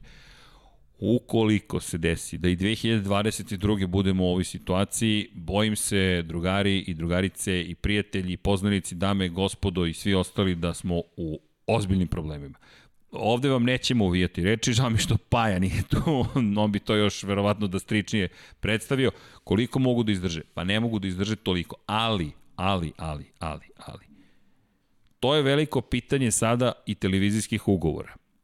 Mm, svet se menja. Da li trajno, da li privremeno, ne znam. Ali, ukoliko sam ja dobio dobar izveštaj, sad ćemo mi da kucamo, da vidimo šta kaže treći kvartal 2022. Koliko ja znam, koliko ja znam, Liberty Media, evo, ovo su vam treći kvartal. Ovo je izašlo 5. novembra. Čekamo rezultate za četvrti kvartal. I da vidimo, Liberty Media je izbacila mm, mm, ukupni gubici 104 miliona dolara za treći kvartal 2020. Mm, prihodi su pali za 36 miliona dolara u odnosu na prethodnu godinu, iako smo imali tri trke više nego inače. E sad, gde, gde dolazi ono što je veliko pitanje? A to je koliko će televizije, pa i sport klub i ostale televizije morati da plate više možda ili isto, a imat ćemo možda negde smanjene troškove. Jer to je sada pitanje i, i promjene koje doživljamo i kada je reč o tome kako konzumiramo sadržaj, da ne kažem kako gledamo televiziju, ta takozvana over the top televizija, konačno to je i ovo što mi negde radimo, to je ta televizija koja se preemituje digitalnim kanalima i počinje da igra sve veću i veću ulogu. Zašto gledam ka Americi? Zato što Amerika uvek gura nove trendove. Ako pogledate NFL koji se prikazivao na Nickelodeonu, ako pogledate NFL koji se prikazivao na Amazon Prime-u, mi govorimo sada o tome da se polako menja način na koji se neke stvari prikazuju. Ne bi me iznenadilo da sutra Netflix ode u Formulu 1 s kojom očigledno ima neke veze i kaže, hej, mi hoćemo globalna prava za to i to. Šta god to bilo. Čujte, to zvuči možda dramatično iz moje perspektive, ali to ono što ne znamo. Koliko će neko biti spreman da plati za neki show. Tako da televizija tu može da uslovno rečeno spasi stvari. Ono što treba uzeti u obzir jeste da, da, da, da smo prošle godine imali prosto rupu u emitovanju, manje nekih trka koji se nisu emitovali, tako da je i prihod od televizije bio smanjen. Što me dovodi opet do nečeg što sam zaboravio kod vašeg pitanja za kalendar, zašto pravi tako optimistične kalendare? Pa televizija plati više kada imate 23 trke, plati više kada imate 21 trku. 20. Ako ih imate 13, manje ćemo da platimo. Pošto i mi možemo manje da naplatimo, pošto nema sponzora, s obzirom na činjenicu da nema onoga što bi trebalo da se prikazuje. Osim na sport klubu gde prikazujemo i igrice. Pošto smo mi naravno sport klub, Infinity Lighthouse, to su da kažemo, sestrinsko-bratske ekipe i kako god želite odnose, ali da, nezavisne su produkcije u pitanju, ali veza rekao bih da je više nego očigledna, zar ne? Tako da je to ljubav, ali je stvar u tome što mi zapravo pričamo o nekim novim, uslovno rečeno, stvarima i, i izvorima prihoda. Tako da, koliko mogu da izdrže, ne znam. Ono što će to biti takođe pitanje da li će neko sada iskoristiti možda priliku da, uslovno rečeno, da neku vrstu ponudi Liberty mediji, verujući da će se za pet godina vratiti prihodi koje sada uloži. Dakle, da dođe veći igrač i neko ko je davno gledao Moto Grand Prix ili Formulu 1 kao nešto što želi da ima u svojim takozvanim esetima ili u portfoliju i kaže ja sad hoću ovo da kupim. Konačno uzmite obzir sledeću stvar. Zamislite da ste vi multimilijarder, multimilijarder bukvalno, i da ste u prilici da, pošto cenim da ste ljubitelji Moto Grand Prix, ljubiteljki i ljubitelji, kažete sebi čekaj, ja mogu sada da kupim ceo sport za sebe. Moto Grand Prix menadžer uživo. Mogu kupim ceo sport, zato što je kriza. Super, ja ću sada da ga kupim, a 2027. ću ući u plus. Amazon, kada je pisao Jeff Bezos prvi, prvi, mislim, izveštaj investitorima kada je tražio pare, je rekao, to je bilo 1996. na primjer, pete, ne sećam se, rekao, mi očekujemo da budemo profitabilni 2007. 2008. Mi tu govorimo o nekim drugim načinima posmatranja investicija. Tako da mene ne bi iznenadilo da zapravo dođe neko veći i kupi. Ne bi me iznenadilo da, da se to desi. Aston Martin svakako nije slučajno ušao u celu tu priču. Tako da eto, imate neke zanimljive momente. U svakom slučaju, odoh ja negde za lutah, ali nadam se da sam odgovorio. Tako da, da, Srki procenat će gubici NBA biti 5,7 milijardi, dolara Formula 1 oko 2 do 3 milijarde. Šta da vam kažem?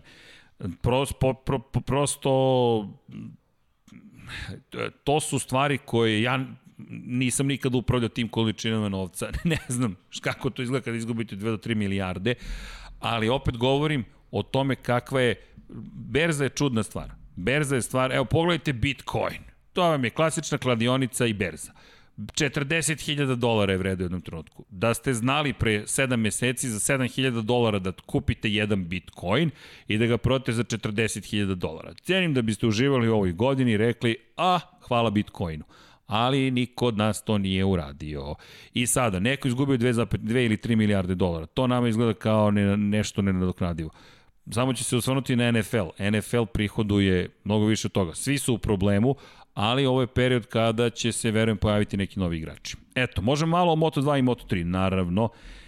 Idu donacije, Infinity u plusu, idu donacije životom, pa sad ne znam šta sad znači, ali da, svakako se trudimo da, da, da, da, da učinimo neke lepe stvari, nadam se. Nadam se da to nešto pozitivno, neko 0.5. Da šta sad ovde, kada bi lep student 2050 je bio milijardatska zato što, sad ne znam, prvi krenuli Moto Grand Prix podcast. Da, dalje, ko dalje, neko ko je prvi uradio, znate šta, kako to ide u biznisu? Nije samo, Google nije bio prvi pretraživač. Evo vam nagradno pitanje, malo sam skrenuo s teme. Koji je jedan od prvih pretraživača koji se pojavio? Da li se sećate Alta Vista? Alta Vista se prvo pojavila. Nije samo pitanje ko je prvi, pitanje malo i sreće. Idemo nazad mi na Moto Grand Prix. Očekivanje od Jacka Millera na novom Ducatiju. Hmm, očekujem dosta toga. Zaista očekujem dosta toga. Verujem da će zabeležiti i prvu pobedu na Ducatiju. Ne očekujem da se nužno bori za titulu, ali mislim da će biti među vodećom trojicom u šampionatu sveta. To je moje mišljenje ali možda je to pre, pre, preterujem. Kad smo već kod financija Zeka, da li si vidio informaciju da od početka pandemije prodaje motocikala u svetu skočila za 30%, tako da fabrike nemaju tih problema.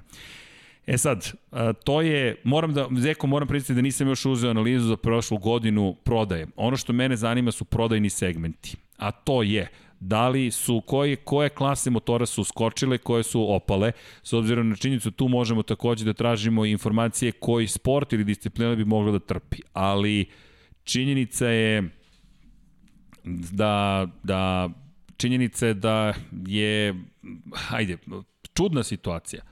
Imamo period pre COVID-a, analitički COVID i onda ćemo nadam se imati posle COVID-a. Da, ovde se spominje Jeff Bezos. Srđane, ne znam šta sam rekao, ali eto. Da li možemo pustimo arhivu iz 2009. godine na sport klubu?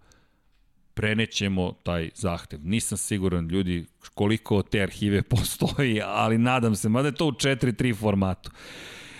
Tako da, vidjet ćemo. Da li, da, da vidimo da li ima još neki. Da li će Fabio ostati na ostvareni talentom sa sporadičnim pobedama?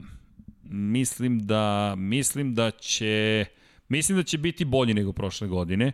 Mislim da će iz prethodne godine steći nova iskustva. Nisam siguran da će osvojiti titulu ali mislim da neće biti neko ko će tako posrnuti kao na kraju prošle godine. Morbidelli glavni kandidat za titul 2021.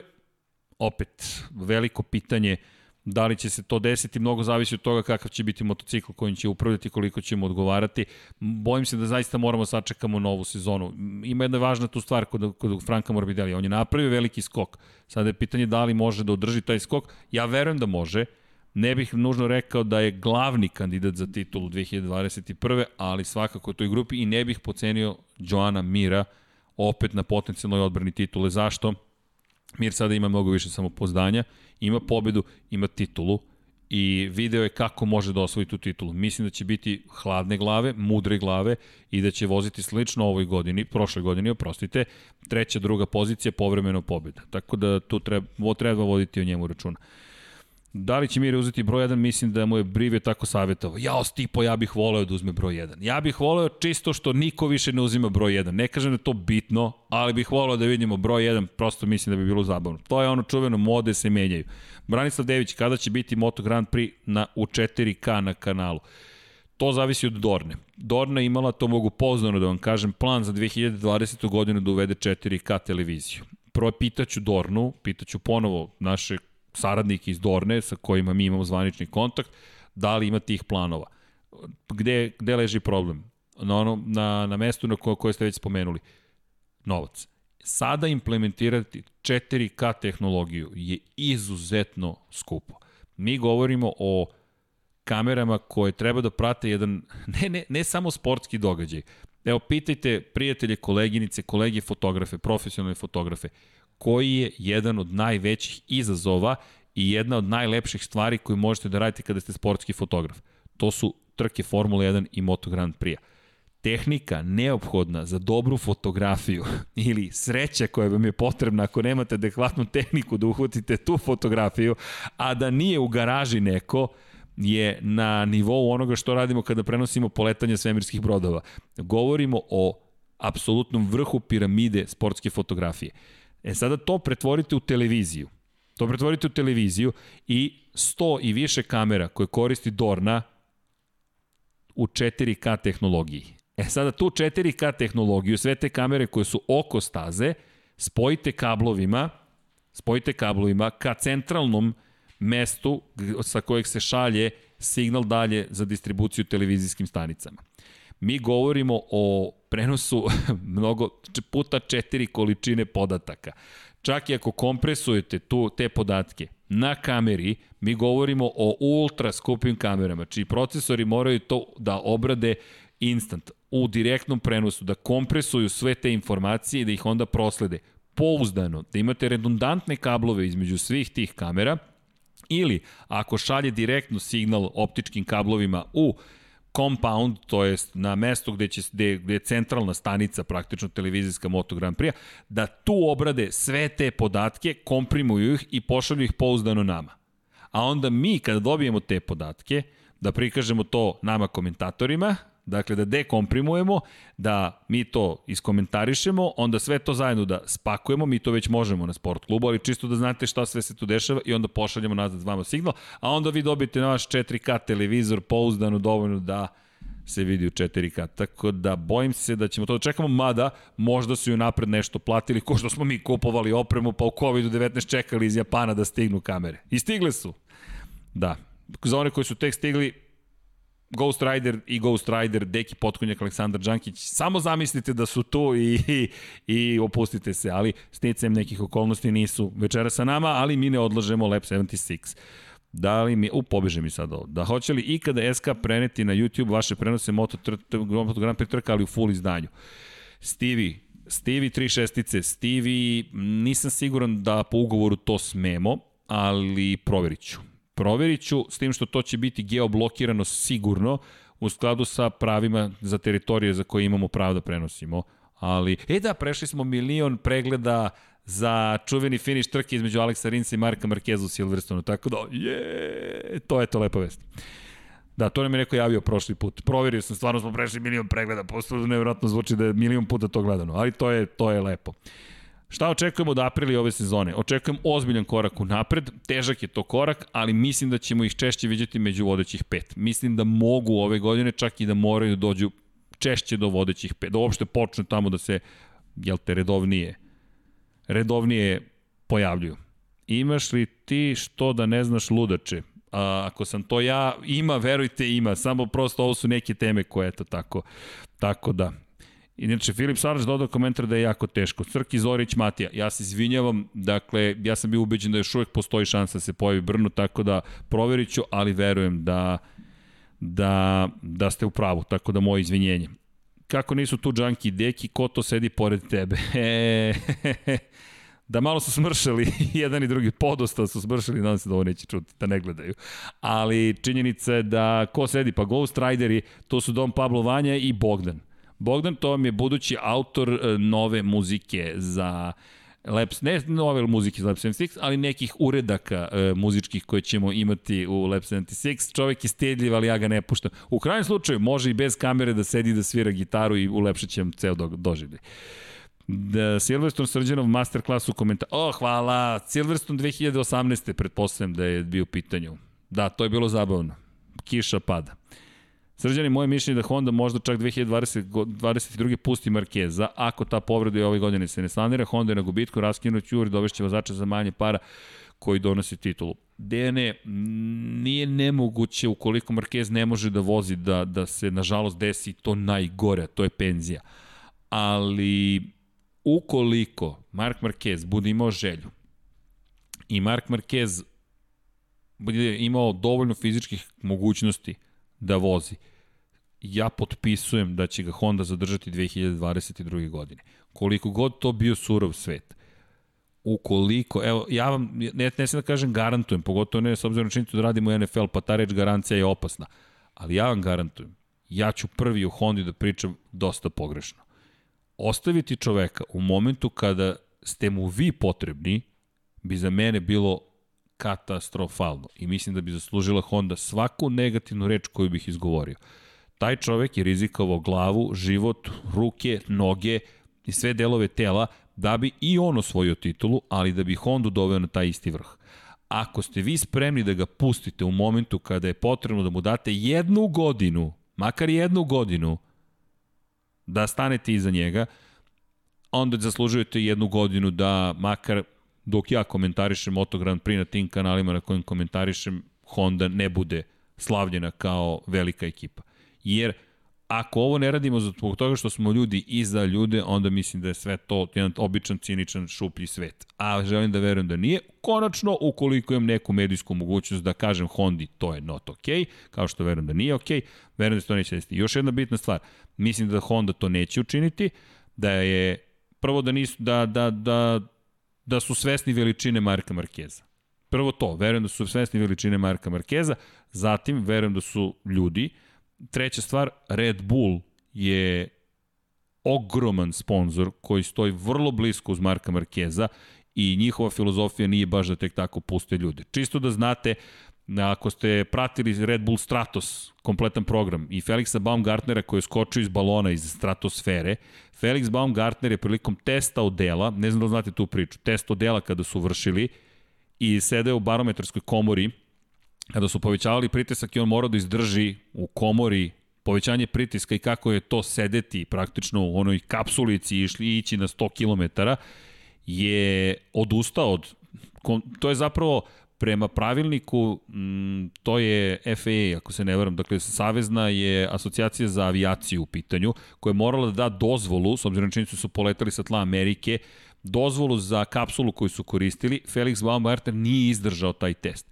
Obustavio je test, izašao je iz kabine, otišao na LAX, aerodrom u Los Angelesu i otišao kući kod mame. Ne šalim se, to možete da pogledate na Red Bullovim dokumentarnim filmima, otišao je kući kod mame. Prva stvar, zovite mamu, ukoliko ste u mogućnosti. Sad je, pozovite, recite da je volite. To je, eto, prva preporuka. Felix Baumgartner je veliki čovek. Čovek koji je skakao bezbroj puta iz padobrana u momentu kada je radio taj test. Osoba koji se obratio za pomoć u momentu kada je doživio nervni slom i kliničku klaustrofobiju je bila njegova mama koja ga je pozvala u Beč i on je otišao kući kod mame. Red Bull je imao rezervnog pilota koji je obavio test, dobili su sertifikaciju kapsule, a onda je otišao kod psihijatra koji mu objasnio da bi trebalo da razmišlja kao da je Iron Man i da mu odelo ne oduzima sposobnost kretanja, već da mu daje moć da bude superheroj. Psihologija je čudesna stvar. Red Bull ga nije otpustio. Red Bull je stao iza svog čoveka i rekao čekamo te da se vratiš. Ceo program je stajao šest meseci. On je izneverio sve ljude koji su u tom programu, oni su i dalje stali uz njega i rekli okay, To je sada zaboravljena priča, ispričana je tek pošto je skočio iz svemira, ali čisto da zapamtimo da su sve to ljudi. I želim da verujem da će i Honda i Red Bull, ako, ako Mark Marquez bude imao problema, učiniti sve što mogu da mu daju šansu. Eto, to je moje mišljenje. Pa eto, ne znam da li vam se dopada odgovor ili ne, ali stojim pri ovim rečima, ukoliko Honda ga tako bude tretirala. Okay. Tako da, ja mislim da tako treba da, da, da, da se pristupi tim stvarima. Eto, ne zamerite. Da li može da misliš krivinu 10 u Barceloni? Radivojić, Radivojić, tako je, krivina u Barceloni. To moramo da vam pošaljemo. Ja mislim, Vanja, ja mislim da u Slacku imamo taj tweet zapravo i te fotografije. To za one koji prate, mislim da i fotografije zaslužuje. Mali istorijat krivine broj 10 u Formuli, u Formuli 1, čujte, prebaci se u Formulu 1, pošto je Formula 1 prva isekla krivinu broj 10, a onda je i ocekla poslednju krivinu i pretvorila u šikanu. Krivina broj 10 je jedna od čuvenih krivina u Barceloni. Prelepa staza za Formula 1 pomalo dosadna, međutim iz perspektive trka nema mnogo preticanja. Ali Moto Grand prije godinama koristio krivinu broj 10. Nažalost, nažalost, 2016. smo imali stravičnu tragediju, izgubili smo Luisa Saloma, taj gubitak je doveo do toga da su vozači izrazili izrazili svoju bojazan kada je reč o krivini broj 10, izrazili su bojazan kada je reč o krivinama u tom trenutku 12, to jest 13 i 14. Pre svega, ta 12. krivina koja je praktično na vrhu staze. Tu je Luis izleteo sa staze, nažalost motocikl se vratio direktno u njega. Tu je problem bio što je pokre staze bio samo asfalt, nije više bilo šljunka. Motocikl je otklizao ka zaštitnoj, ka odbojnoj ogradi i zapravo i ka vazdušnoj ogradi i vratio se nazad, udario direktno Luisa Saloma i nažalost Salom je ostao na mestu praktično mrtav. Tra, stravičan moment.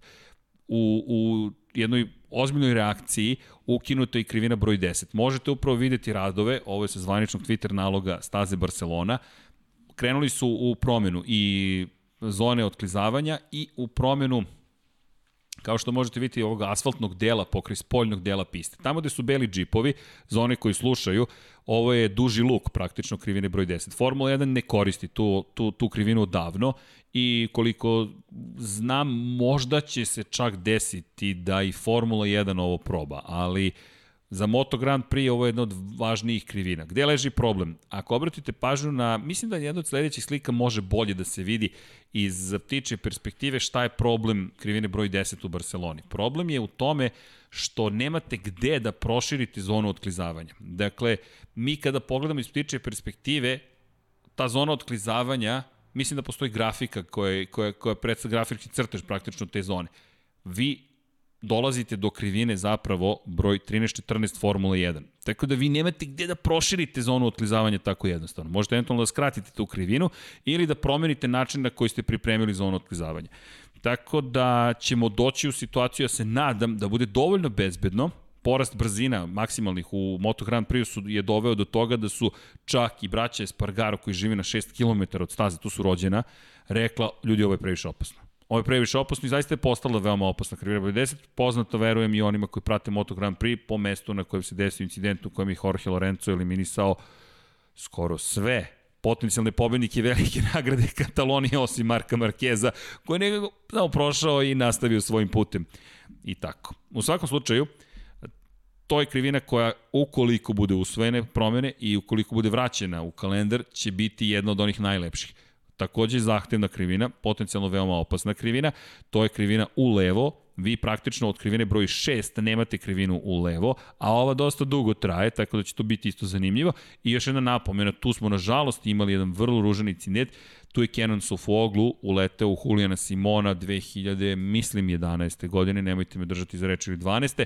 Nažalost, to je na neki način početak kraja karijere Julijana Simona nadam se da, da sam objasnio, da ako treba još nešto da dodam, tu sam, to, večera sam samo ja tu. Eto, tako da znate. Rins osvaja ove godine, Mir neće biti u top 3, prognoza Mihajla Petrovića, vidjet ćemo, vidjet ćemo. Koji je proces posjetiti trku? Bogdane, kada je reč o trci, hajde da... Pri... A, ne, a, zbunio sam Bogdana koji, se, koji sedi ovde. Bogdan Olović je u pitanju. Bogdane, kada je reč o poseti trci, nekoliko stvari govorimo, nadam se, o nekom normalnom vremenu, bez COVID-a, pa ću pričati kao da je 2019. Nadam se da će tako izgledati više 2021. A to je sledeće, posetiti trku proces. Morate kupiti karte, moja topla preporuka vam je ulaznici da kupujete na motogp.com, rizik je ove godine kupovati, tako da ne mogu da vas savjetujem sada da kupujete, ali ukoliko je normalna godina u kojoj su male šanse od otkazivanja trka, generalno su minimalne da će biti otkazane trke, obavezno kupujte sada. Uvijek imate popuste, imate dobre popuste i možete da prođete mnogo bolje nego kako se približavate trci. Najskuplja trka u istoriji kosmosa će uvek biti dok vozi Valentino Rossi velika nagrada Italije u Mugello. Očekujte da vam treba od preko 300 evra za 3 dana da dođete u Mugello. Ne pričamo o Formula 1, sad pričamo o Moto Grand Prix. Zašto? Zato što će dalje biti rasprodate. Zato što će se i dalje tražiti sedište više. Pogotovo ukoliko publici bude dozvoljeno da se pojavi u Muđelu ove godine, s obzirom na činjenicu da je potencijalno poslednja trka u Muđelu u karijeri Valentina Rosija. Iskreno mislim da COVID-19 tera i Rosija da produži karijeru. Da nije COVID-19, mislim da bi otplesao svoj ples i rekao želim da se pozdravimo cele planete i to je to. To je samo moje mišljenje, ne znam, možda grešim. Kada je reč o kupovini karata, odite, odite na motogp.com, ima i drugih servisa, ali zaista ne mogu da ih reklamiram. Ovo je zvanični web sajt MotoGP-a. Kupite karte, dobit ćete ih u digitalnoj formi, odštampate ih, QR kodove, skeniraju vam na ulazu i to je manje više to. Ukoliko želite da saznate koja su dobra mesta, hashtag SKMotoGP, hashtag Lab76, pišite, uvek se nađe neki dobronamirnik, dobronamirnica, neka dama ili gospodin koji će vam rado pomoći. Mi ćemo takođe pokušati da vam odgovorimo, od staze do staze zavisi šta želite da vidite. Pitanje je za koga navijate. Ukoliko navijate za Markeza, na koju stazu? Ukoliko navijate za Dukatijevce, na koju stazu? Za Suzukijevce, za Rosija? Mi tu ćemo vam rado odgovoriti. Sam proces dolaska na stazu, od države do države. U Holandiji parking je maestralno odrađen, fenomenalno, uvijek imate mesta za parking i zna se red i mir. U Italiji, sa srećom. sa srećom dođite jedno 6 sati ranije. Ako je trka u 14 časova Moto Grand Prix, pa vi negde oko 6 ujutro lagano počnete da dolazite. U Mizanu trebalo bi da bude lako da se stigne do staze, ali stići ćete, gde ćete parkirati, to je sada već neki drugi problem. Tako da kažem, zavisi od toga gde idete. Pored toga, Pored, pored toga, kada govorimo o padoku, to je ulasku u zonu, kao što smo rekli, mada koliki će to spisak biti kada bude prvo otvorena staza, ne znam, javite se, zvaničnih kanala još uvek nema za to, napravit ćemo ih, javite se nama, mi ćemo onda da napravimo spisak svih ljudi koji žele da uđu u padok, to pošaljemo Dorni i uvodimo ljude da vide, da pokušaju da vide zapravo svoje vozače. Kažem pokušaju, s obzirom na činjenicu da ponekad nisu prosto tu, ili su na konferenciji za medije, ili su na stazi, ili su negde drugde, i onda šetate se između kamiona, prolazite kroz delove gde možete da ih sretnete, ali nema garancije da ćete to jesti. Tako da, obavezno se javite i pomoći ćemo. Srki, hidratacija, Dragan Sogorov. Slažem se, samo sekund. U, sad imam jednu specijalnu reč za vas. Samo sekund. Ovo obično izvodimo kada je kadar na nekom drugom, ali pošto nema nikog drugog, onda je kadar na meni. E sad, pošto sam se hidrirao, sad ću da izgovorim reč anomalija. Pazite sada ovo. Roman koji će razniti svet, bukvalno čovek napisao još ranije. Hvala ti, Dejane Hristov. Dejan Hristov je napisao zašto. Ovo je prijatelj moje lepše polovine i ajde da ga izreklamiram. Zašto? Pa napisao čovjek knjigu. Seo i rekao ja ću da napišem knjigu, nije mi platio za ovo, zove se Anomalija. čovjek je napisao knjigu Anomalija, malo me podsjeća, moram priznati na, inače izdate 2020. godine, ali mu nije bio plan da se baš desi ovo što se desilo, edicija science fiction, to je naučna fantastika, horror. eto, Anomalija knjiga, pa eto, svakih nedelje preporučimo neku knjigu. Palo mi na pamet kad se već zove Anomalija, zašto da ne, pošto to volim da spominjem.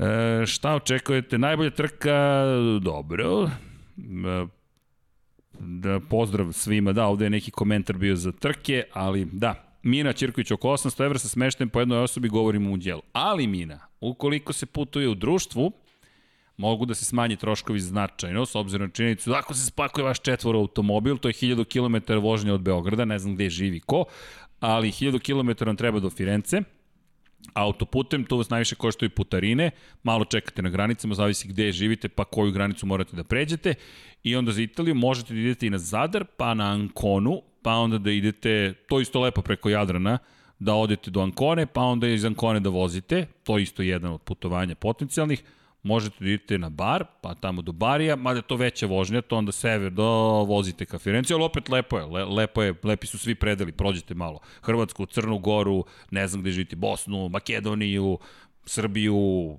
Sloveniju, Italiju, prođete sve to, malo zastanete negde tamo uspite ako idete autoputem pa sa severa se spuštate, odete malo do Noale, a tu je sedište Aprilije, kad stignete u Bolonju pitate gde, gde je Borgo Panigale, najavite se na vreme za muzej Ducatija, morate na vreme da se ja najavite, inače nećete ući. I to vam je jedno lepo putešestvije, tako da eto, to je topla preporuka, ako planete već muđela, eto. Nisam prorok, nego komentator, nisam prorok, dakle, da, da je, da, samo negde to, pretpostavljam. Da, šta smo još ovde, da li sam nešto propustio? Najbolje to, to, da, da, ovo su sve komentari, časkaju ljudi, nadam se da uživate. Rins će ove godine, eto još jedan glas za Rinsa, Beše dobio 2019. ne 2018. Rins je dobio, da, 2019. 2018. nije bilo trke u Silverstone, tako da izvinjavam se, ali eto, ostao mi Silverstone 2017. 18. u glavi. Da, neverovatno Silverstone koliko nam je doneo trka u Moto Grand Prix. 2018. imali smo kišu, nažalost i povredu STV-a Tita Rabata, 2019. Marquez protiv Rinsa, to je Rins protiv Markeza, kakva završnica i dalje je Neverovatna je završnica i prošle godine, nažalost, Nismo. Srki, šta misliš? Da li ima snage u Valentino Rossi da postane najstariji pobednik Moto Grand Prix klase sa 42 godine i 86 ili više dana starosti da postane najstariji vozač koji je vezao dva pobednička postolja? Hmm. Igore, mislim da ima šanse, ali da se u velikoj meri sada, sa, pogotovo dva pobednička postolja svode na sreću. Mislim da mu treba sreće. Ovde ima nekih skeptičnih lica. Mislim da će biti bolji nego prošle godine. Zašto? mislim da ćemo više odgovarati generalno ekipu u kojoj odlazi.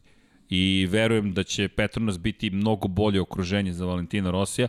Rossi inače umeđu vremenu rekao da nažalost Yamahini inženjeri uglavnom ne slušaju ekipu i da u fabrici rade ono što su zamislili, a ne što im vozači ili tim traži. To je boljka koju Ducati imao. Yamaha to nije imala. Dok je Masao Furusawa bio tamo glavni, to nije bilo šanse da se desi. Valentino Rossi, priča se sigurno da zna šta govori, to je devetostruki šampion sveta i to je ta diskonekcija, taj prekid u vezama, šum u komunikaciji. Imate te čuvene priče Signal versus Noise, to vam je čuveni blog, možete da čitate, to je jedna zanimljiva ekipa, ekipa koja je stvorila Basecamp kao project, projektno management alat i koja baš priča o tome šta je signal, šta je buka. E, ili ti drvo umesto šume. Kada je jasna informacija koju deliš i šta želiš da postigneš njome. Možemo mi mnogo da pričamo, ali malo toga da kažemo. Poenta u toj kvalitetnoj komunikaciji zašto je Brivio toliko važan. Eto, možemo možda da napravimo paralelu da dok je Brivio bio u Yamahi su stvari bolje funkcionisali. Nekako gledam dosta ka Furusavi i gledam ka promeni trendova u Moto Grand Prix-u i naravno veoma moćnoj Hondi koja je mnogo poremetila stvari zajedno s Markom Markezom. Ali Izvinjavam se, pojenta je da, da, da mislim da će Rosiju više prijeti Petronas i da bi mogao da postigne dobre rezultate. Do pobede opet na sreću mislim da može da dođe, ali to zaista mislim da, da nije nemoguće prosto. Kako je moje mišljenje o duelu koji se nikad nije desio Stoner protiv Markeza, to bi po meni bio epski rivalitet. Uh, Filipe, mislim da mi je veoma žao što se nije to dogodilo. I voleo bih i ja to da vidim, pogotovo što verujem da se Marquez ne bi nikom sklonio, što verujem da se Stoner ne bi nikome sklonio. Stoner nije bio, neću da reći, da, Stoner nije klasični agresivni vozač, ali je tekako znao da se brani. Nije spadao u grupu takozvanih aktivnih agresivnih vozača ili vozača koji će rizikovati toliko da ugroze što sebe što drugi. Marquez znamo da zna da pređe tu granicu. Rossi, videli smo u Laguna Seki 2008. da je takođe spreman kada je titula u pitanju da ode i korak dalje. Stoner, s druge strane, nije bio nikad spreman to, ali Stoner je bio spreman na odbranu. Da ako ga neko tako napadne, da će se tako i braniti. Tako da bih volao da smo ih videli. Pogotovo što bi bili na istom motociklu. Zamislite tim Repsol Honda, Casey Stoner, Mark Marquez. Oh. A onda Dani Pedrosa mora da potpiše ugovor sa Ducatijem ili Suzukijem. Mada Suzuki tada nije bio tu.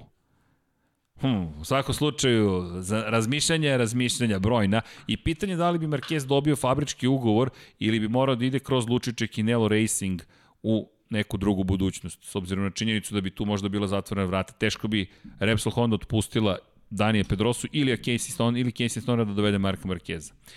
Da, Crki, da li voziš neki motor u privatnom životu? Trenutno ne ali ako se ja budem pitao, ne neki ljudi koji me okružuju, koji svi odmahuju glavom, koliko u martu godine koje je pred nama, jedan motocikl će biti parkiran ispred studija na kraju univerzuma.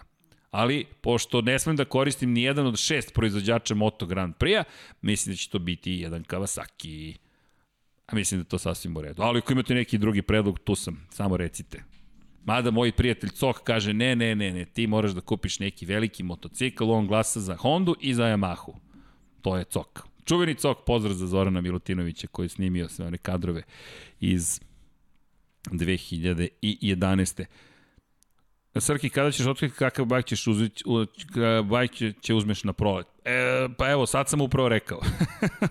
Samo što ćemo da vidimo koji će da bude. Zašto je Honda zabranila Stoneru u 2013. da vozi umesto Pedrose? E, to je odlično pitanje Edisone. Zašto je zabranila? To sad ima raznih spekulacija. Casey Stoner je bio nezadovoljan time gde je došlo do potpunog raspada komunikacije između Casey Stonera i Honda, kada je pao na 8 časova Suzuki i rekao da se Sajla Gasa zaglavila. To je rekao odmah pošto je pao. Polomljene su me obe noge, bile uleteo u balaste, kako je prošao Degnerove krivine 1 i 2, izašao ispod podvožnjaka i krenuo da skreće desno ka, ka, ka ukosnici, izgubio kontrol nad motorom, i ulete u bale koje su bile postavljene kao neka vrsta bezbednosti. Suzuka je po prirodi stvari opasna. E, kako su ga prenosili u bolnici, pitali su ga šta je rekao, rekao je zaglavila se sajla gasa.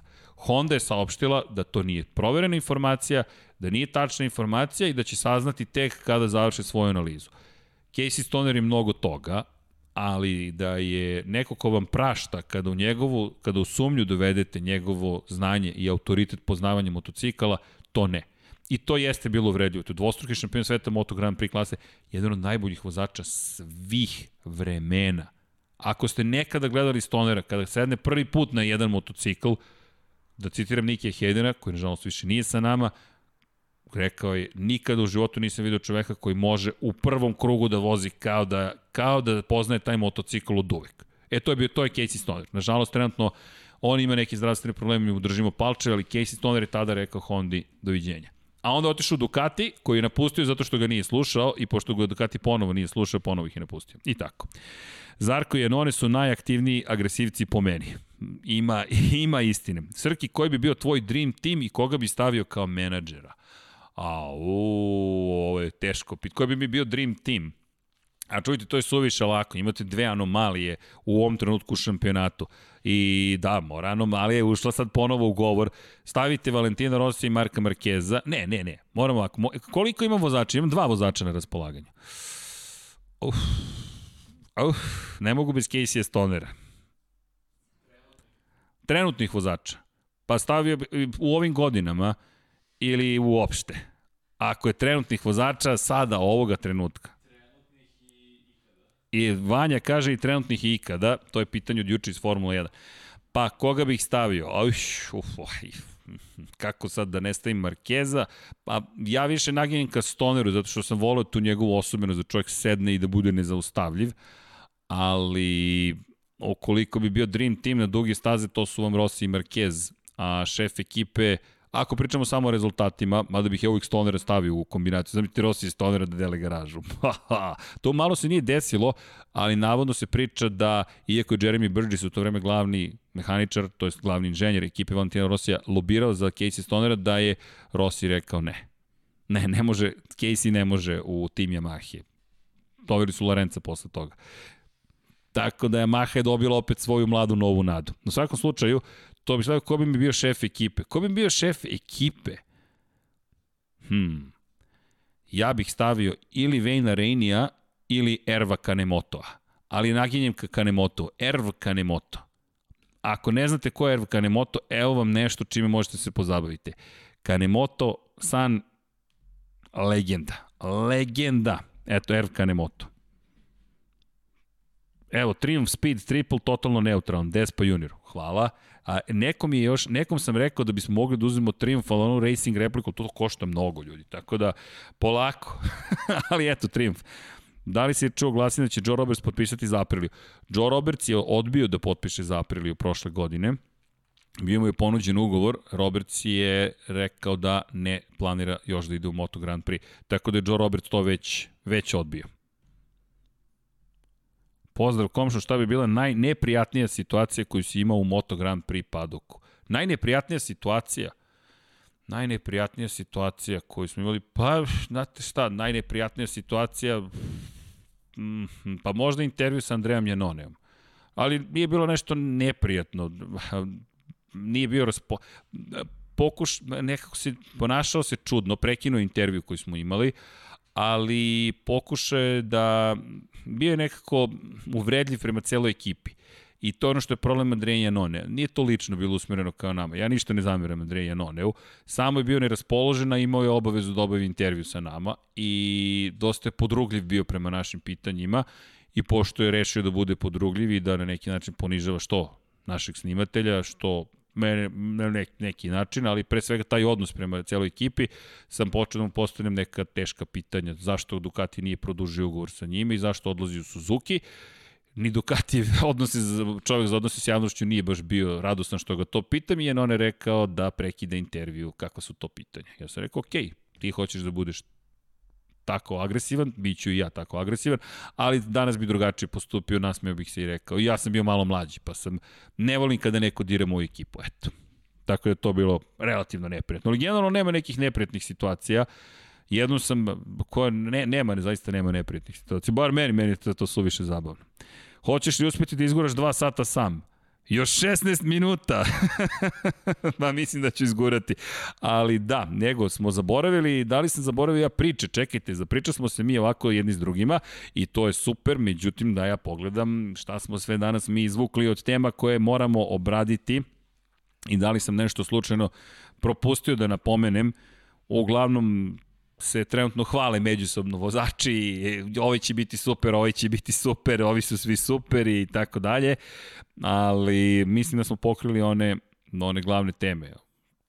Većinom nema nekih noviteta. To je ono što smo ustanovili. Moto Grand Prix živi za te trkačke vikende. Mada sa Brevijom i ovim novitetima, sa kalendarom, smo nekako i imali više vesti nego što ih inače imamo da objavimo taj intervju. Uh, pa objavili smo taj, ja mislim da je bio na, na sport klubu taj intervju, da kada prekida, ne, ili je ostalo samo taj moment kada prekida intervju Andreja Janone. Ali, kažem, nije, nije, ne mislim ništa lično, ja razumem i njih i oni su pod ogrom pritiskom, ali prosto ne prihvatam da ukoliko smo mi profesionalni i ukoliko se nas zahteva profesionalizam, da vozač, bez obzira kolika zvezda bio, ne bude profesionalan.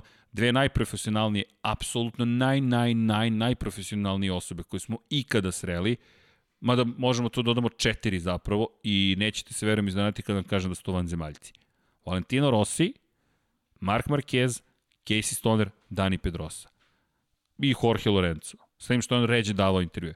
Ljudi, njih petorica može da im bude najgori dan na svetu ikada, imaćete intervju u kojem uživate. Imaćete dužno poštovanje između i odnosa njima, a mislim da mi je najlepši intervju pored sjajnog intervjua s Bradley Smithom, zapravo bio Ricky Carmichael.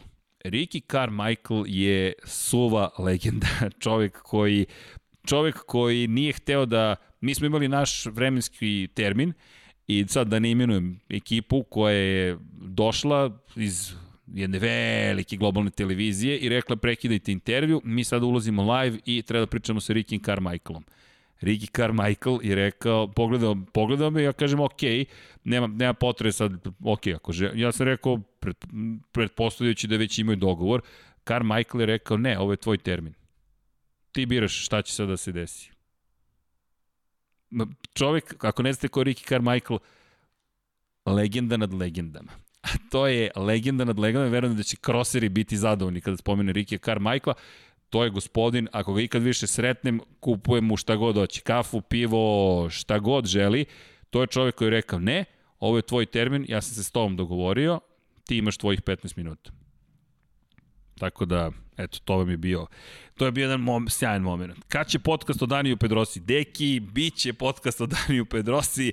Evo, ne znam da li si Deki primetio, u uvodnoj špici, samo zbog tebe, smo stavili, pošto u 62. emisiji nismo pričali Daniju Pedrosi, uvodna špica ima Danija Pedrosu. Vanja, možeš da baciš to, tu sliku Danija Pedrose, molim te, samo za Dekija. Kog vozača bih zvao Slavu? Kog vozača bih... Ne znam, ljudi, zavisi šta želim da postignem, da, koga bih zvao. na, na žurku, pa sa svima je njima zabavno. Elim, da li, će, da li očekuješ da će Vinjales od Kvartararo biti motivacija da bude bolji i konstantniji? Da li očekujem da će biti? Pa čujte, ako ga nije motivisao Valentino Rossi, koji je znao da ga pobeđuje, nisam siguran da će ga Kvartararo inspirisati. Najiskrenije. Voleo bih da, da kažem da će se to desiti, ali bojim se da, da, da, da to neće biti situacija. Da, Srki, da li... Eh, evo ga. Dakle, Dejane, ko je na fotografiji, ne znam da li si uočio, ali mi, naše gledalce, poštujemo Spominjali smo stanje Fausta Gresinija, svestan je trenutno i jeste i dalje na aparatima, ali se malo poboljšala stanje. Srki, šta misliš, imaju li balkanski zemlje potencijal da za koju godinu stvore nove talente Formula 1, MotoGP ili bilo koje trkačkog takmičenja? Valentine, to ono što smo mi pričali, mi pravimo Team 76, kako ćemo da ga napravimo? Napravit ćemo ga, ja se nadam, svi zajedno. Ovo je početak neke naše ideje projekta, Projekat je već prezentovan Dorni, da se ne ponavljam. Dorna je rekla samo napred i naš, i naš jedan od planova je bio u 2020. i zapravo da ga pokrenemo malo zbiljnije, ali eto, COVID nas je malo omeo, no ideja nam je da napravimo zapravo community team na, na primjeru Green Bay Packersa, to jest da napravimo model u kojem imamo sponzore i imamo, nadam se, vas kao podršku, koja je ideja? Pa da skupimo 100.000 ljudi sa ovih prostora koji će da daju 15 evra za godišnje da budu članovi te ekipe i da budu suštinski suvlasnici i onda imamo budžet da uđemo u svetsko prvenstvo u Moto3 kategoriji i ne zavisimo od jednog velikog sponzora, a sve transparentno u smislu, a ne da se uzmu pari i da nestanu netragom, nego lepo da se sve potroše na tu ekipu i na naravno edukaciju novih ljudi. Za to su nam potrebna kup takmičenja, staze i tako dalje. S obzirom na činjenicu da neke od tih stvari nemamo, onda ćemo verovatno gledati ka severnom kupu talenata, Norton Talent Cup, raspitajte se to takmičenje koje je otvoreno i za klinki i klinci sa ovih prostora Gledat ćemo takođe svetsko juniorsko prvenstvo, to nam je Dorna toplo preporučila i onda gađamo Moto3 šampionat sveta. Što se tiče Formule 1, ljudi da se skupi nas 10 miliona eventualno, pa da svi damo malo više para, da razmišljamo o tome da, da, da vozaču obezbedimo da ode tamo. Inače, neko je danas tweetovao, mislim doktor Lemajić, sliku sa kupa Ayrtona Sena iz 1996. godine, to je nezvanično svetsko prvenstvo u kartingu, Miloš Pavlović stoji na pobedničkom postoju kao broj 1, pored njega ne pretrano nasmejani Jenson Button, budući šampion sveta Formula 1 i, ako se dobro sećam, Đorđo Pantano koji je vozio u Formuli 1 čak ni taj momak nije dobio dovoljnu podršku finansijsku da ode u Formula 1. Tako da Formula 1 bojim se da je to neki san koji će morati da sačeka lep 1776 i tako dalje. Idemo dalje imam neko pitanje ili nešto mi Dom Pablo sugeriše. Da li će Ken Kavući preuzeti ulogu Debri? E, mislim da Kavući neće e, Brivija preuzeti ulogu, s obzirom na činjenicu da je Ken Kavući tehničko lice. Ken Kavući nije menadžer koji, zamislite sad situaciju ako mogu pandan da napravim između Ferrarija i Matije Binota koji je odličan tehnički direktor i potom preuzme upravljanje ljudima. Ken Cavaucci je jedan stidljiv čovek, relativno povučen, koji ne govori tako dobro engleski jezik, nisam siguran da govori španski. Davide Brivio govori odlično engleski, italijanski, španski i pre svega si je čovek koji se bavi ljudima, komunikator je, neko ko može da, da zapravo pomogne u organizaciji tima. Ken Kavući može da napravi savršen motocikl kao što smo mogli da vidimo, ali neke druge stvari se, ja ne bih nikada postavio Kena Kavućija na tu poziciju, ali to je samo negde moje mišljenje. Moram priznati da da, da, ni, da verujem da to neće učiniti, ali to je samo, to je samo moje mišljenje. A kada govorimo o kada govorimo o Milošu Pavloviću, imate neko iznenađenje za mene. Don Pablo i Vanja su ovde vredni. Tako da, evo ga taj moment. Evo ga, ko je ovaj na drugom mestu 1996. Ko je ovaj na prvom mestu? To je Miloš Pavlović. A Jenson Button na desnoj strani, kao što vidite, Jenson Button kao da su mu sve ruže uvele i ovo jeste kup Ayrtona Sene vožanje 1996. godine u Japanu, za one koji ne zna, eto, prođe 25 godina, a ovaj momak u sredini, kada bude bio u Beogradu, nam dolazi u posetu, za razliku od gospodina Potkonjaka i Đankića, koji opravdano zaista nisu danas mogli da budu sa nama. Nadamo se da će se pojaviti ovde ili ovde, potpuno je sve jedno. Može i ovde da sedne, a ja ću da sedem tamo gde je Dom Pablo, pa neka se ispričaju svi zajedno, bit će to zabavno. U svakom slučaju, idemo mi dalje. Da li pratimo Dakar? Da, pratimo Dakar. Meni je fenomenalna priča, moram priznati, sa Dakara i to smo negde i, i, i istakli kao nešto što verujemo da vredi spomenuti neverovatno mi je bilo da, da, da pričamo, dosta pričamo o tim lepim momentima i stvarima koji se dešavaju. Inače, Dakar je skratio pred poslednji brzinac, s obzirom na činjenicu da su loši vremenski uslovi, ali meni i dalje lepa ta priča o, o, o ljudskosti. Tobi Price, inače, proslavio 30 uslomljenu kost, za one koji ne znaju, Tobi Price imao ružan incident, srećom nije životno ugrožen, ali pozdravio sve sponzore, rekao da se izvinjava i rekao, eto, došao sam do jubilerne 30. polomljene kosti, ne mogu da se ne nasmejem s obzirom na činjenicu da je Tobi Price eto, rešen da se vrati sledeće godine naravno na Dakar i da ga završi, ali ono što je meni bilo sjajno jeste da su juče zapravo i Ricky Brabec i Sam Sunderland, ne znam, Brabec, Brabec, kako da ga pročitam, ali ok, pomozite ako možete. Ono što je bilo super jeste što su i jedan i drugi dobili nagradno vreme za pomoć, prvu pomoć koju su pružili Tobiju Price-u. E, to je meni ono čemu smo pričali i o, i o Red Bullu, i o Hondi, i o Markezu, ta ljudskost. Ok, takmičimo se, ali čekajte, ljudi smo. I to je meni fenomenalno. Mrabec koji je tu eto, bio pri ruci i pomogao, čovjek je prošle godine na Hondi bio i najbolji. Inače, to mi je zanimljiva priča. Pričamo stalno Monster Yamahi u Moto Grand Prix. A imate Monster Hondu na Dakaru.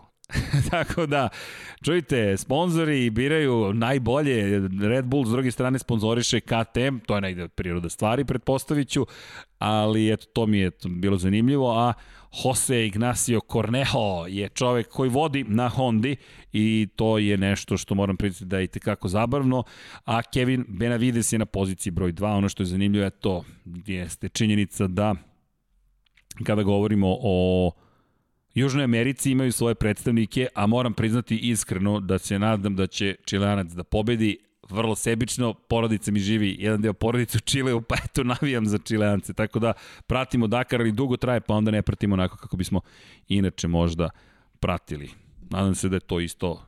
A, evo je, koga, koga si nam to izdvojio? O, ovo je Brabet. Da, ovo je Honda. Dobro, Na Dakaru svi vozači su kukali na pneumatike, Nasir je 14 probašenih imao da sada. Da, na Dakaru dosta problema. I, i, i oglasio se i Carlos Sainz, oglasio se veliki broj vozača koji su rekli čujte ovakva organizacija ne može da funkcioniše. I iskreno, mislim da, da je tu neophodno ozbiljno iskustvo i da ne možete tek tako da odete negde i da kažete mi ćemo sada da organizujemo. Dakar se dosta selio, bio u Južnoj Americi, sada je u Saudijskoj Arabiji, nekada davno u Africi, nekada davno se zvao Rally Paris Dakar, kretali biste iz Pariza, završavali u Dakaru. To je jedan od najvećih izazova koje možete imati u, u karijeri. Završiti Rally Dakar je posebna stvar, poseban doživljaj, kamoli pobediti na njemu.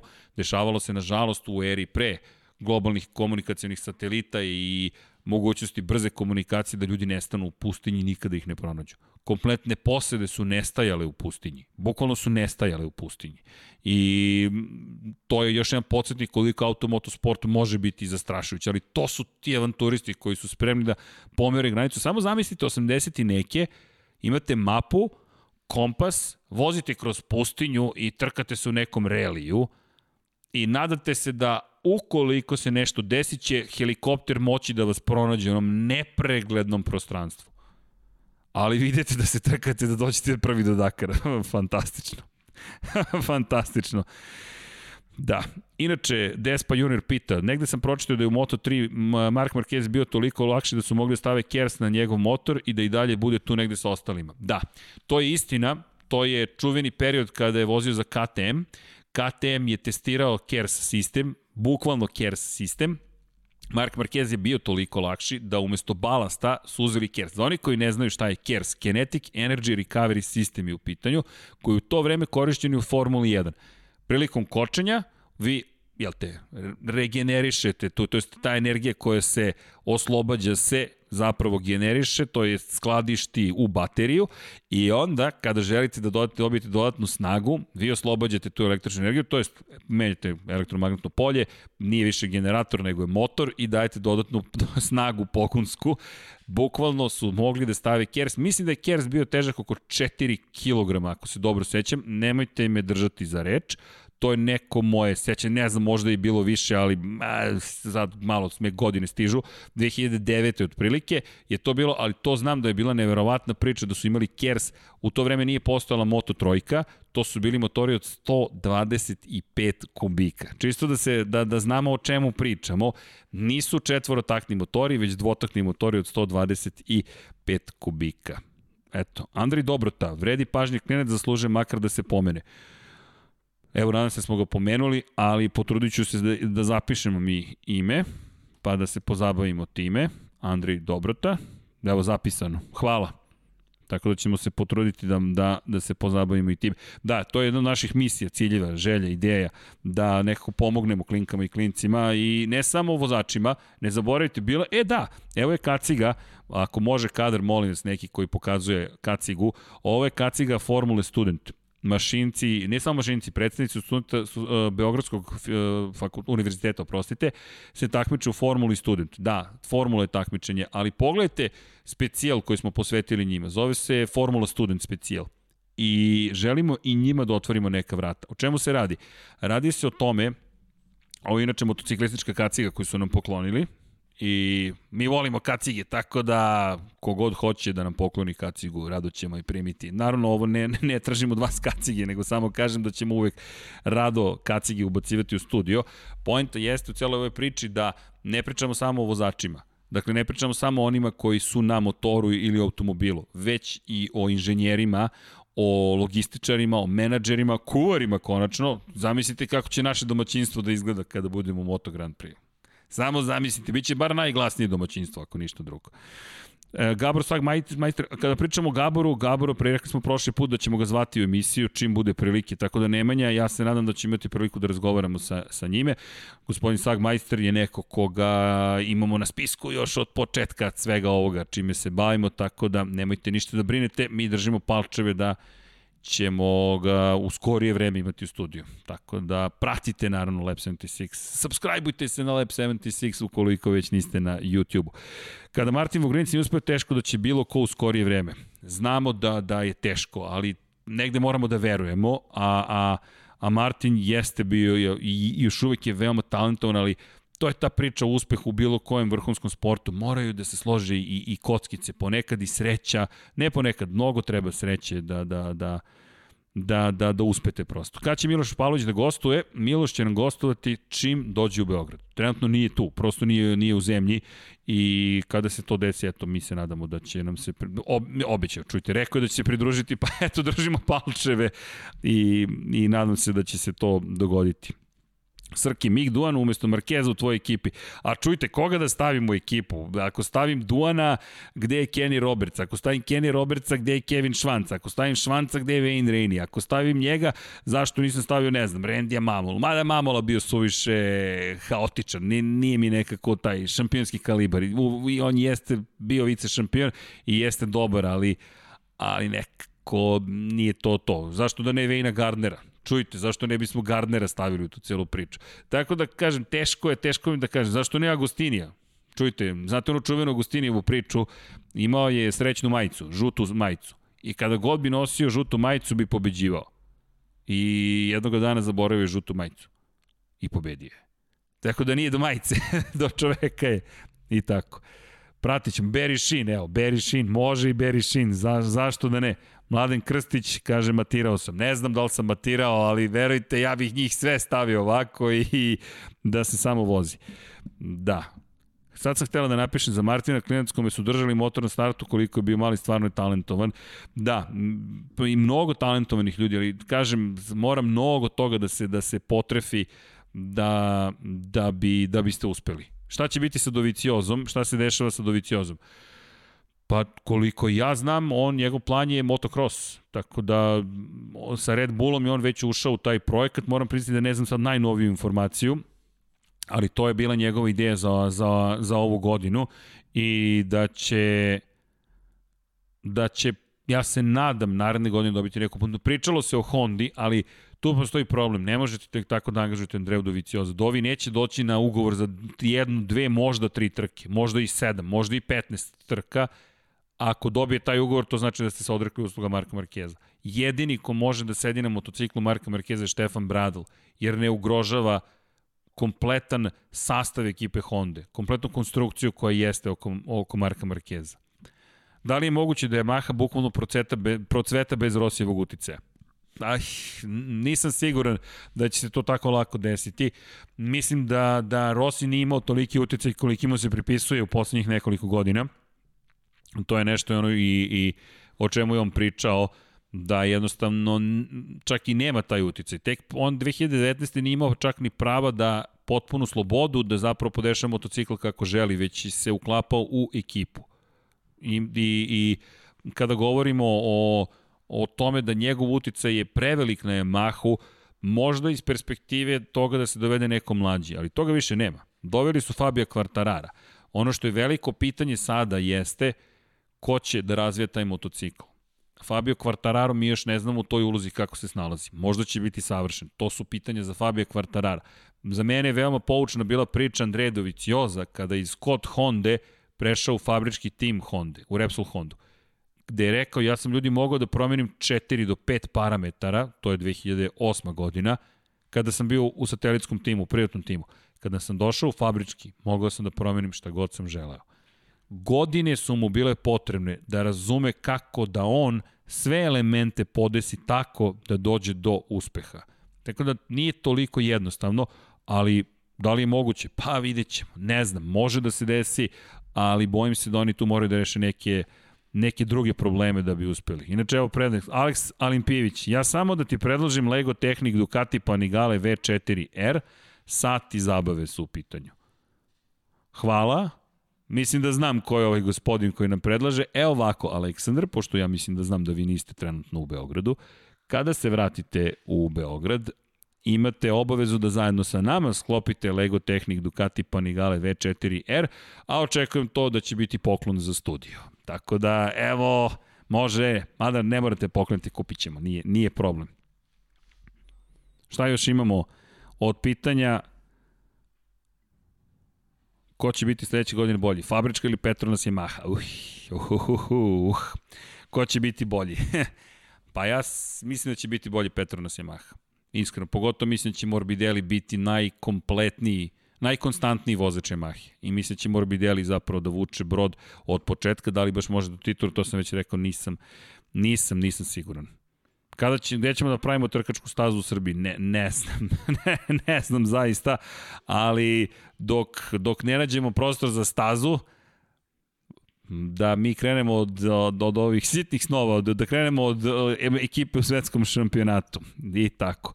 Jesmo prošli dva sata, dva sata i pet minuta, evo, pokazuje mi Dom Pablo, ali dva sata i dva minuta. Tačno dva. Ne, sat vam greši. Sat vam greši, krenuli smo mi ranije. Ja mislim da smo mi krenuli pre toga. Ako je neko merio, evo, možda zna koliko je vremena prošlo od kada smo počeli. Kaže tačno dva minuta. Pa već je dva minuta, dva sata i jedan minut. Ili je moj časovnik potpuno pošašavio. Tačno je, okej. Okay. Da, eto, nadam se da smo pokrili dosta toga. Jako mi se sviđa ideja, evo, MK se radi na nove staze, može da odradimo treninge za Lab 76 team. Može, može, gde god može, doći ćemo rado u, u posetu i doći ćemo da se družimo. Ka, da, da imamo šta ovde ima. Strki, da li se sećam intervjua Lorenca i Dragane Kosjerine? Sećam se intervjua Lorenca i Dragane Kosjerine. Lorenzo, menadžer, je odbio da meni da intervju i onda kada se pojavila Dragana Kosjerina je rekao da li ona predstavlja vašu televiziju. Ja sam rekao da i onda je menadžer Jorge Lorenza rekao ok, njoj ćemo dati intervju. Tako da, eto, sećam se intervjua Dragane Kosjerine i Jorge Lorenza, s obzirom da su moji malenkost odbili, ne znam šta to je drugačije kada je reč o Dragani Kosjerini i meni, ali ok, ako Jorge kaže može Dragana Kosjerina da ga intervjuše, važi, a ja ne mogu. Još uvijek čekam taj intervju. ali, ali da. Da li Vinjales pogrešio što otiše Suzuki? Po mom mišljenju, to ponavljam od kada je potpisao ugovor za Yamahu, da, to mu je najveća greška u karijeri. Verujem da je Maha nije okruženje u kojem on može da procveta. Pokušava da bude korporativniji nego što po mom mišljenju jeste i mislim da ne može da se uklopi to. Davide Brivio je bio uh, čovek koji je stvarao tu savršenu atmosferu u Suzuki u kojoj verujem da je maksimum mogao da izvuče iz sebe Maverick Vinales. Ali to je samo, samo prosto moja, moje mišljenje. Da li mislite da će Rabat biti kompetitivniji kompetitivno da porazi Reus do sedme titule? Hmm, Igore, nisam siguran da će Rabat odmah biti toliko brz. Ali verujem da ćemo najzad vidjeti Tita Rabata u izdanju koje nekako zaslužuje kako on, tako i mi.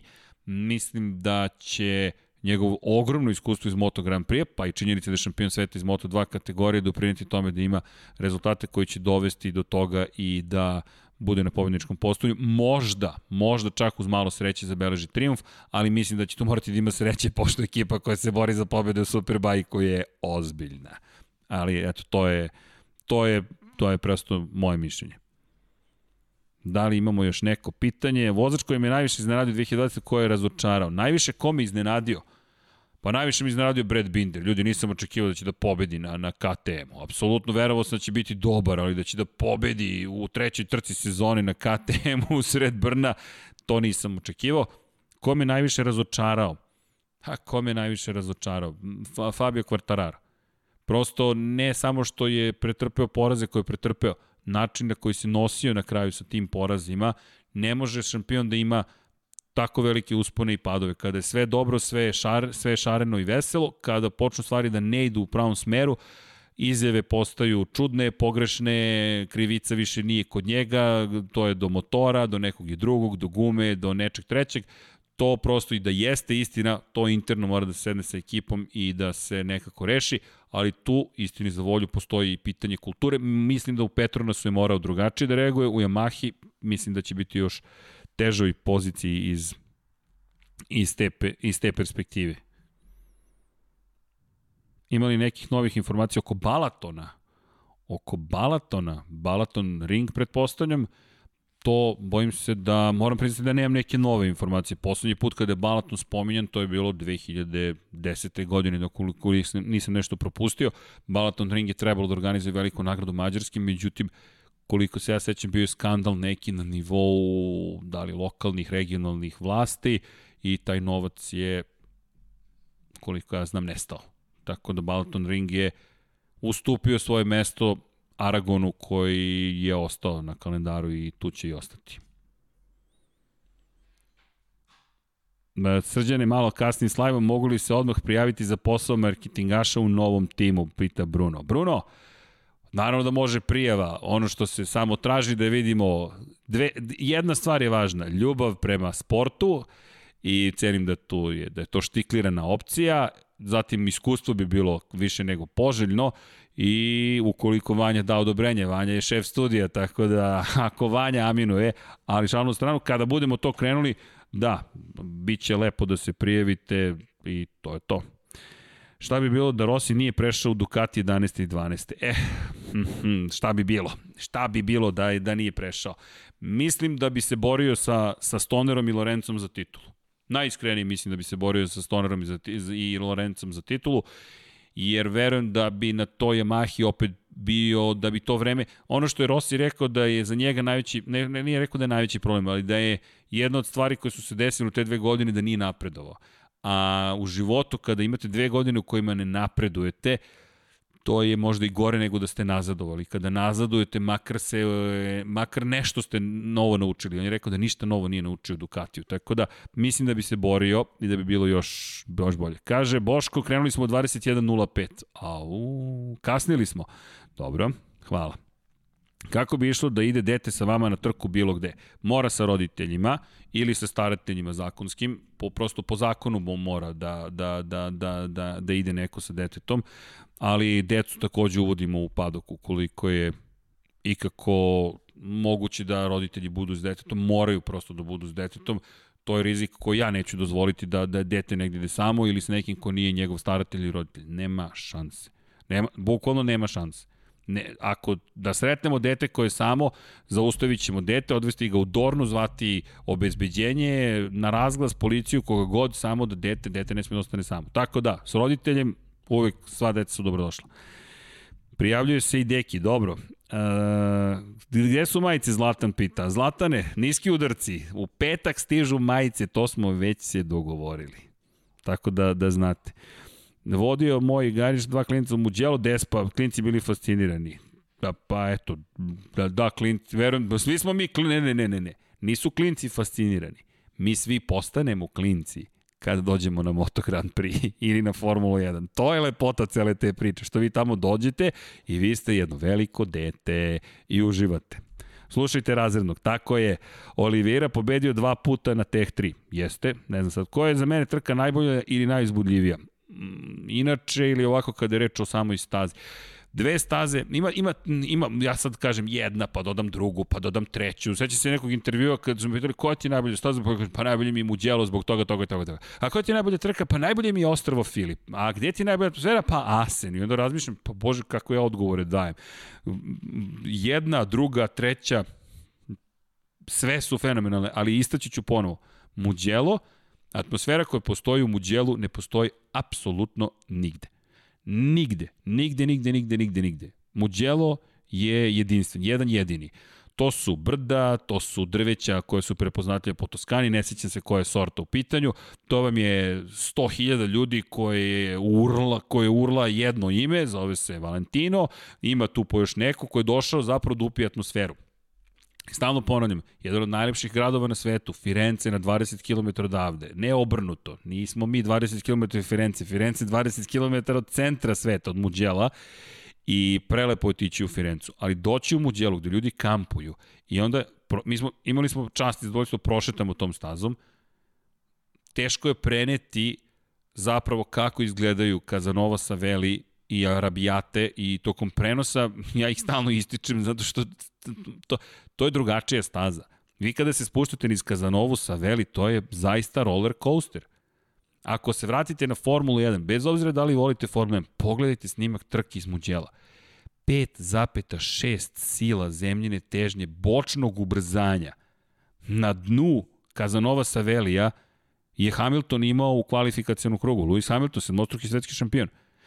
5,6 sila bočnog ubrzanja. Razumete, on je u tom momentu na punoj kompresiji. To je dno brda.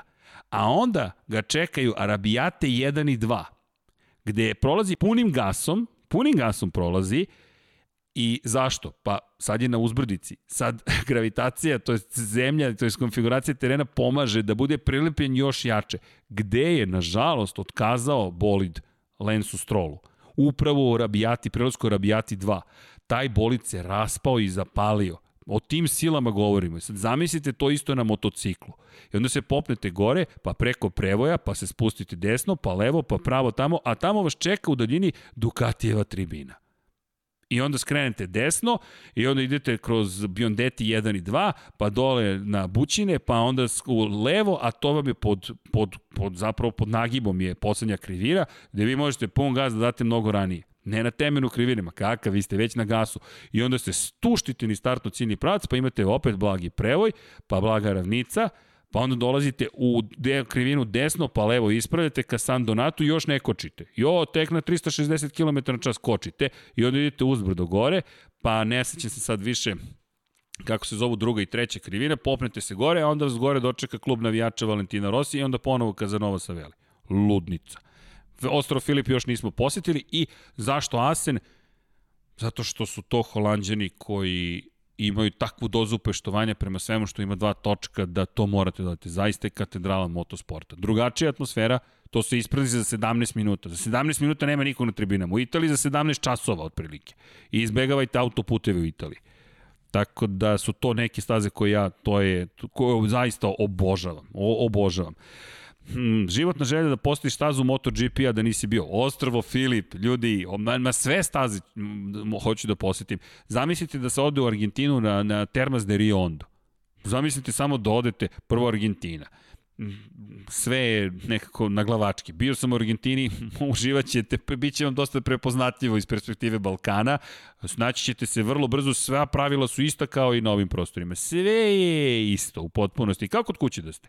Samo što umesto mlevenog mesa ili jagnjeti ili čega već šta volite da jete, imaćete bifteke. E, biftek vam služe bukvalno u, ne znam, u ćevapđinici nema ćevapa, imate biftek Za, zašto? Pa govedine koliko hoćete. I sad odete tamo na trku. Wow, kakav doživljaj. O, Texas, zamislite da odete u Austin, pa da se u koti popnete na prvu krivinu, pa da se sjurite dole.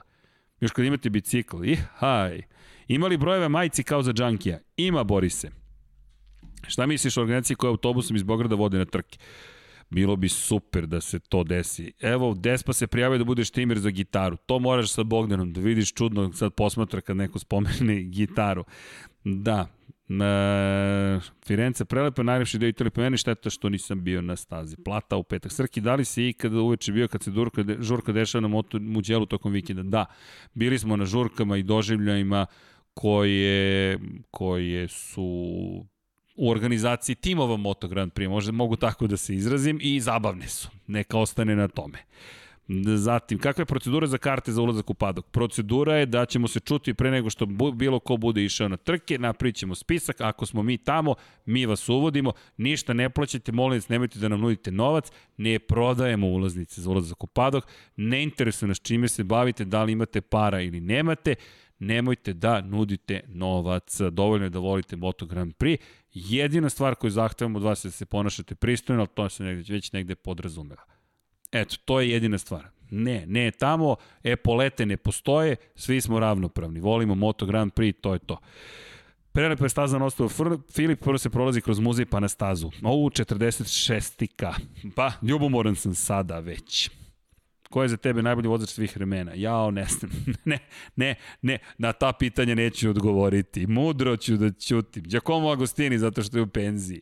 Šalu na stranu, nemoguće da, da odgovorim. Svako je u svoje vreme bio na, na nekom poslednjem. Imate nekolicinu njih, trojicu uvijek ističem Agostini, Rossi, Markeza, baš zato što su tako mnogo postigli, takve su im karijere.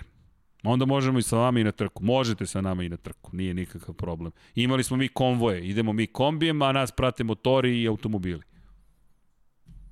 I tako. Ja mislim da smo pokrili dosta toga. Ne znam da li je nešto još ostalo, ali nema vesti u januaru, mi smo, međutim, tu smo, ekipa Lab 76 ne odlaže ništa i nismo ni odložili ni broj 64.